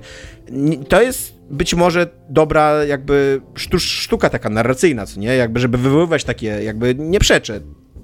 To jest umiejętnie zrobiony serial ale mi się go mega nieprzyjemnie na takim bardzo pierwotnym poziomie oglądało. Siedziałem przed telewizorem i, i cały czas myślałem, ja pierdzielę, jak ja ich wszystkich nienawidzę, jakie się brzydzę tymi ludźmi, co nie? Zaciskałeś piąstki? Tak. Także widać było takie białe ślady od paznokci w środku? E, tak, tak. To, nie no, to, to mieliśmy, bardzo. takie, mieliśmy takie sytuacje, bo ja oglądałem... E, a mu, z... Przepraszam, a musiałeś rozchodzić? Tak, tak, o, musiałem to, jest, to jest dla ale, mnie takie, że już naprawdę się czujesz niekomfortowo. Ale na przykład ten, ten, odcinek o wyborach właśnie musiałem tak rozchodzić w taki dobry sposób, jakby tak. On wcześniej w ogóle też był dobry odcinek o, o polityce, jak oni w ogóle namaszczali tego faszystę na, na, na to było w trzecim sezonie, co nie chyba. Eee, no, no dobra, tyle. Dominik, go. Y, ja y, bardzo miałem takie uczucie, o którym ty mówisz, właśnie w sukcesji. Nie wiem, czy w Breaking Bad, ale w sukcesji na pewno ja w ogóle. Ja porównywałem pierwszy sezon sukcesji do takiego dygania sobie językiem bolącego zęba. Że z jednej strony mm, mnie to strasznie, mnie strasznie ten serial drażnił i właśnie irytował i strasznie nie lubiłem go oglądać, ale jednocześnie czułem potrzebę, jakby byłem wciągnięty w to i chciałem, chciałem to oglądać, a, a bolało mnie. Y, I właśnie to, co początkowo w, pierwszym, w pierwszych odcinkach czwartego sezonu z jakiegoś powodu, być może zapomniałem już, być może, nie wiem, było to jakoś inaczej, inaczej akcenty były położone, bo, mm, bo trochę udało się temu serialowi mnie nabrać. Ja trochę wskoczyłem na ten taki wagon yy, przejmowania się ich losami. I, i autentycznie właśnie już, już oglądałem to, jak zapomniałem o tym, że to są dzieci Hitlera yy, i jakby trochę im zapomniałem te ich poprzednie przewiny, chociaż sceny z baseballem nigdy nie zapomnę, yy, ale też ja o tej scenie trochę czytałem i istnieje w fandomie, w cudzysłowie, yy, istnieje taka teoria, że ta scena jest niekanoniczna dla serialu, ponieważ to był pilot i jeszcze nie, nie były ich osobowości wykrystalizowane, bo też późniejsze, że Roman, późniejsze działania Romana jednak nie wskazują na to, że on jest takim, aż takim człowiekiem, jak tam wynikało z tej sceny. E, e jakby jestem w stanie się kłócić, że Roman jest na, największym naziolem, jest, e, jest e, dogłębnie okrutnym człowiekiem. Totalnie on by coś takiego zrobił. Zwłaszcza okay. właśnie po tym, co widzisz, co on robi w czwartym sezonie. Okej, okay, no ja tylko mówię, jakie, jakie opinie czytałem. Mhm. Pomijając to, jaki był mój odbiór i, i na, tak naprawdę się wciągnąłem w ten sezon, w, ten, w, te, w ten, te początkowe odcinki. Mega czekałem na każdy kolejny odcinek. Z mega zaangażowaniem to oglądałem, bo to jest serial, tomu trzeba oddać to, co powiedział Tomek. On jest fenomenalnie zrealizowany. Tak pod względem takiego watchability, za przeproszeniem, oglądalności, oglądalność coś innego by znaczyła po polsku, yy, to jest, to jest, to się siedzi i po prostu z dużą przyjemnością na to patrzy, pomijając te wszystkie aspekty od razu. Bycie mm, zniesmaczonym tym wszystkim. Powiedziałbyś, że ten serial jest oglądable? Jest oglądable. Tak, oglądable, totalnie jest oglądable. E, trz- trzeci odcinek uważam, że jest wybitny. E, to, to, co też powiedział Tomek, to w jaki sposób on jest zrealizowany. My często mówiliśmy mm, o takim zabiegu fabularno-formalnym, kiedy próbuje się, nie wiem, przedstawić nudę, więc, więc, więc pisze się w nudny sposób. Jakby chce się połączyć emocje, mm, które przeżywają bohatera, bohaterowie z, też Tak. z jakimś formalnym zabiegiem. To często nie wychodzi, to często jest zły pomysł, natomiast tutaj jest to zrealizowane po mistrzowsku, bo jakby ten odcinek stawia widza dokładnie w tym samym miejscu, w którym są bohaterowie, czyli dowiadujemy się praktycznie przez telefon, że najważniejsza postać przez trzy sezony tego serialu umarła. Nie widzimy trupa przez... I też właśnie tak, oni, oni długo nie są pewni, znaczy w ogóle nie są pewni, bo nie widzą trupa, co nie? I przez to, że my też nie widzimy trupa, my Tak. też nie jesteśmy pewni, Też czy on naprawdę umarł, co pewni. nie? Szczególnie, że czy to jest jakaś zagrywka, czy to jest Tak. jakiś trik, czy to jest jakiś, jakiś jego... e, I jeszcze czwan- osoba, która relacjonuje, czyli Tom, jest mega niewiarygodna. Jakby ca- przez Tak. trzy sezony budowali jego niewiarygodność, co nie? I cała ta panika, która, która wówczas y, mm, wynika wokół, znaczy wokół nich, pomiędzy tymi bohaterami, pomiędzy tym rodzeństwem y, i, i, dziećmi Logana się dzieje, jest bardzo wiarygodna. Ja miałem takie mm, wrażenie, że ktoś tutaj mocno czerpał z własnych przeżyć, y, że jakby ktoś z pisarzy, twórców tego serialu był w tym miejscu, bo to bardzo uderzało w takie, w takie lęki, że tak prawdopodobnie umrze w naszym życiu ktoś nasz bliski, tak? Że dowiemy się tego przez telefon, nie będziemy pewni, będziemy daleko, nie będziemy mogli z tym nic zrobić, to się po prostu wydarzy w taki przyziemny, nieefektowny, y, prozaiczny sposób, bo on w ogóle umarł po prostu w kiblu w samolocie. I, i, I tyle, i znaleźli go po prostu na ziemi, martwego. Yy, I jeszcze później go reanimowali, bo takie są przepisy, że po prostu, też o tym trochę czytałem przy okazji, że jeżeli ktoś umrze na pokładzie samolotu, to trzeba go reanimować do lądowania, bo, bo coś tam. Chyba nie można ogłosić zgonu na, na pokładzie samolotu, czy coś takiego. Więc Wiem, oni tam... Tutaj y, wiedza z dupy. Wydaje mi Mhm. się, że w ogóle y, w Stanach masz obowiązek reanimować do przyjazdu karetki. Okej. I nawet jak dzwonisz, że A może to o jest, to chodzi, no. że nawet jeżeli dzwonisz, że ktoś jest dźgnięty na przykład nożem w serce, co y, resuscytacja powoduje po prostu jego wykrwawienie, to y, ten 911 operator musi cię poinformować na temat tego, jak masz go reanimować, więc Okej. Y, Natomiast po, też zgadzam się praktycznie wszystkim, co powiedział Tomek, się zgadzam, tylko no na początku mm, jakoś udało się tego, temu serialowi mnie nabrać. Również udało mi się go nabrać dlatego, że to jest serial, który zawsze słynął z tego, oprócz tego jak, jak jest dobry, jak jest realizowany, jako serial, w którym nic nigdy się nie dzieje. Jakby jest taki mem, że nothing ever happens in Succession. E, że cokolwiek się wydarzy, to później to będzie odwrócone, tak jak powiedział Tomek. Cokolwiek, I Logan zawsze wygrywa, co nie? i Logan zawsze wygrywa, tak. Po śmierci Logana miałem tego wrażenie, okej, tam dzieje się gówno, tak? Że w końcu, w końcu po tych trzech, czterech sezonach i zgadzam się, że trzeci sezon był fatalny, straszny był trzeci sezon, że w końcu ten serial dokądś zmierza, że w końcu dowiemy się, o co chodziło twórcom tego serialu. I to, co mnie najbardziej rozczarowało, że na koniec okazało się, że totalnie o nic. że, że, że to, że po, że to, to koniec końców to była taka dobrze zrobiona opera mydlana. No, taki serial obyczajowy o odrażających ludziach, w którym tak naprawdę chodziło tylko i wyłącznie o to, kto wygra. Bo Tak, o, tym właśnie- jest tylko, o tym jest tylko ostatni odcinek, że ktoś tam wygrał z nich i koniec. Tak. Jakby nie ma żadnego wniosku z tego, nie ma żadnych konsekwencji tego, nie ma żadnej myśli przewodniej. Jednocześnie ten odcinek ostatni trwa półtorej godziny i on traci pół godziny na przekonanie Tak. cię, że wygra Kendall, Tak. Gdzie później to się nie dzieje. I to jest, ja, te, te pół godziny, kiedy oni tam sobie robią Dokładnie. tego, tego szejka i gadają, to to jest, to, to nawet nie jest specjalnie ciekawe, co nie? I Tak. ja później miałem taki, to po co to Po- było? Po co mi to wpychaliście? Dokładnie to samo miałem. Po co to pół godziny? Iga? A, bo nie wiem, czy pamiętacie, to, to jest taki bardzo duży autopilot odnośnie do tego, co powiedzieliście. A, było... Był taki serial, e, to jest stara telewizja amerykańska, Twilight Zone. To się Strefa Mroku nazywało, coś takiego po polsku. I tam e, ten e, Sterling, on się nazywał, on był głównym scenopisarzem tam początku i on przedstawiał tę historię jakby. I właśnie najfajniejsze w tym było to, że to nie było moralizatorskie w jakikolwiek sposób. To tam używał tych tropów science fiction. Niektóre odcinki były, tylko jakby konkluzja prawie wszystkich to było ale by było głupio, jakby tak się stało, co? I to, I to było jakby, zostawiają cię z tym jako widza. Ja akurat bardzo lubię ten zabieg, nie wiem ile ma od, y, tych y, sezonów Sukcesy 4, tak? Po 10 Tak. godzin. Tak. Nie wiem, czy 40 godzin na to, że ej, i, ale by było głupie, jakby się stało, to to jest Nie, okej, nie, nie? ale mi nawet nie chodzi o to, że ja oczekiwałem jakiegoś morału na koniec, czy jakiegoś Ale katarzis. konkluzji. Jakiejś konkluzji, konkluzji. Jakieś, żeby tam była jakaś myśl na koniec, którą mi ten serial zostawi. Yy, w nim on chwytał, rozpoczynał wątki na pęczki i te wszystkie te wątki tak, one, nie, chodzi nawet, że nic z nich nie wynikało, one po prostu były przez niego zapominane w pewnym momencie. Tak jak powiedział, no, ten wątek Pilsa, pomijając wszystkie wątki poprzednie, ten wątek e, rejsów przecież był, ten wątek e, przecież tego wyznania Kendala na koniec tam, e, wątek, śmierci spowodowanej przez Kendala. I to wszystko takie okazuje się, że nie zmierzało donikąd. I tam nawet nie ma takiej myśli na koniec, że wszystko marność. Tak. Tam nie ma żadnej myśli, to jest mój problem. To jest, to jest też jaki, taki poważny problem ideologiczny, jaki ja mam z tym serialem, że on udaje, że jest krytyką tego superbogactwa i tego właśnie tych ludzi, którzy jednoosobowo manipulują największą demokracją na świecie, nie za pomocą swoich pieniędzy, swoich wpływów, tego, jak, w jaki sposób oni żyją, jak są pozbawieni kręgosłupa moralnego i tak dalej, i tak dalej.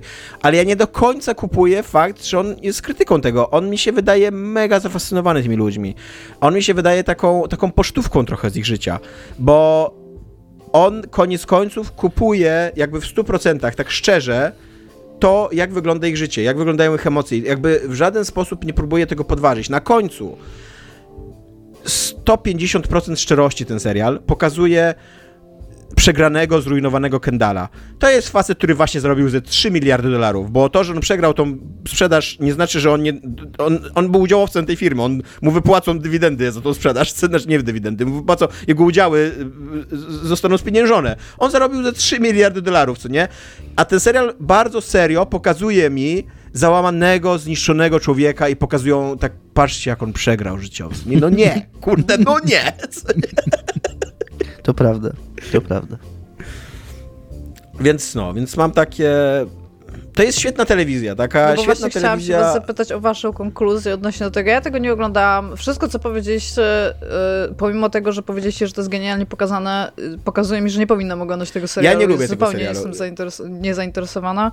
Na koniec mówicie mi, Iga, nie oglądaj tego serialu. To jest, to Moja, jest moja konkluzja, ja, ja nie wiem, czym ci powiedział nie oglądaj, bo tam oglądaj co sobie chcesz. Jakby ja nie lubię tego serialu. Ja nie polecam. for Spraya będę oglądać teraz. 24 godziny na dobę i co? On jest... I mnie y, nie ochronisz, tak? Nie. To jest takie Wow. kurde, to jest takie kurde reality show. Ono jest koniec końców o niczym. Bez sensu i, i to, to najbardziej mnie boli. Tak, Też, i, i to, jest dobre, to jest dobra, bardzo dobra metafora, Dominiku. I, aluzja, to znaczy alegoria, a jak to się... porównanie czegoś do czegoś tam. Analogia. Analogia, o, to jest bardzo dobra analogia. Bo tak, tak samo jak... słów na dajesz. Tak samo jak, jak reality show, jakby pokazuje ci ludzi z takim, z takim zamierzeniem, meta zamierzeniem.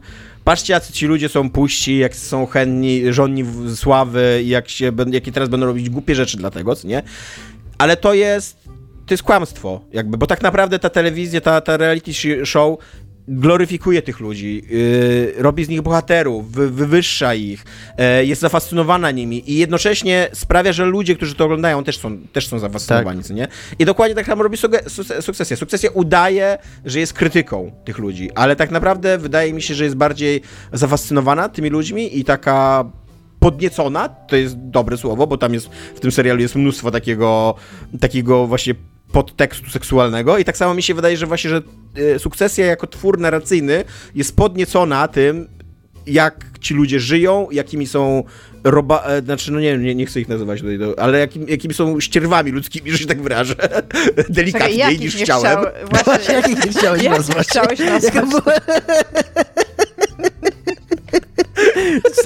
Czy podcast się załamie, jak powiesz to słowo po prostu? Nie powiem, nie, jakby Okej. nie powiem, no. E, i, i, I tak, i to jest... Ja, moją odpowiedzią dla ciebie na, na to, czy obejrzeć sukcesję byłoby to, że ja... Nie, no nie, nie polecam. Jakby nie podobał mi się ten serial, koniec końców. Dominik, tobie? Mm, nie. Też nie polecam. Znaczy uważam, że to jest dobry serial. Uważam, że to jest y, świetna telewizja tak ten i, i Ale używając to jest swojego 40 słowowania. godzin waszego życia, nie? Na koniec dnia i Tak. jednak na nie. Nie. jednak, ja miałem trochę to, nie chcę porównywać tego do Ozark, bo takiego gówna jak Ozark to już nigdy nie będzie w moim życiu, ale tutaj podobnie jak w Ozark, na koniec nie lubiąc tego serialu, wciągnąłem się jakby czekając na to ostateczne jakby i co z tego. I, I to nigdy nie przyszło i to jest moim największym. Znaczy, wiecie, no, ja, ja mam na swoje usprawiedliwienie tyle. No, My jesteśmy narracyjnymi stworzeniami, co nie? Żyjemy z oglądania popkultury, analizujemy popkulturę i tak dalej. I ja potrafię obejrzeć dużo rzeczy, które mi nie sprawiają przyjemności. Dużo gorszych rzeczy niż, niż sukcesja. Sukcesja poza tym, że nie sprawiała mi przyjemności, to jednak wciągała mnie i tak jak Dominik podkreśla, jest rewelacyjnie zrealizowana. Jakby tak, jeżeli chodzi o zdjęcie, o aktorstwo, o dialogi, o muzy- muzyka jest rewelacyjna. Tak, wejściówka, kurde, to jest chyba jedyna wejściówka, Tak. której nigdy nie przewinąłem. Co nie? To prawda. I oni zawsze, oni bardzo często robią taki fajny myk, że ten motyw muzyczny zaczyna wchodzić, jak jeszcze jest Tak. scena i bardzo ładnie ląduje tej wyjściówce. Tak, ale, ale no tyle, no. Dobra, e, koniec, czy Dominik masz coś jeszcze Koniec, koniec. E, to na koniec tylko Patronite, tutaj małe przetestowanie wśród e, ludzi z najwyższego progu, więc dziękujemy dzisiaj e, Jarosławowi, Michałowi, Mafinkowi i Bartkowi. E, Powiedz mi, czy Jarosław nie napisał do nas, bo my obiecujemy w tym najwyższym progu, że przeczytamy jakieś oświadczenie. Nikt nigdy o to nie prosił. Jarosław, Ale- ja napisałem do Jarosława, czy chciałby jakieś e, oświadczenie. Jarosław powiedział, że nie, że po prostu jesteśmy super i chciał nam e, Okej. i tak wesprzeć nas. Okej. Bo ja się pytam tych wszystkich ludzi, jakby tutaj e, to nie jest tak, że się nie pytam. Jeżeli wpłacicie za 200 zł, to dostaniecie ode mnie tam maila, czy, czy powinniśmy coś powiedzieć na wasz temat na antenie, bo jest taka możliwość, nie? Albo nie na wasz, może macie jakąś Albo tak. organizację, którą chcecie Tak. wesprzeć na przykład. Tak. e, Na przykład pieski w schronisku Otos e, Zamkowice Śląskie, gdzie można O, wpłacać pieniądze. Stamtąd jest sojusz. No, więc, więc tak, y, mamy tego Patronite'a, jeżeli wpłacacie, to jest super, to dziękujemy wam bardzo, jeżeli nie, to nie miejcie wyrzutów, bo rozumiemy. E, I tyle, cześć, I fajnie tyle. było. Cześć. See ya.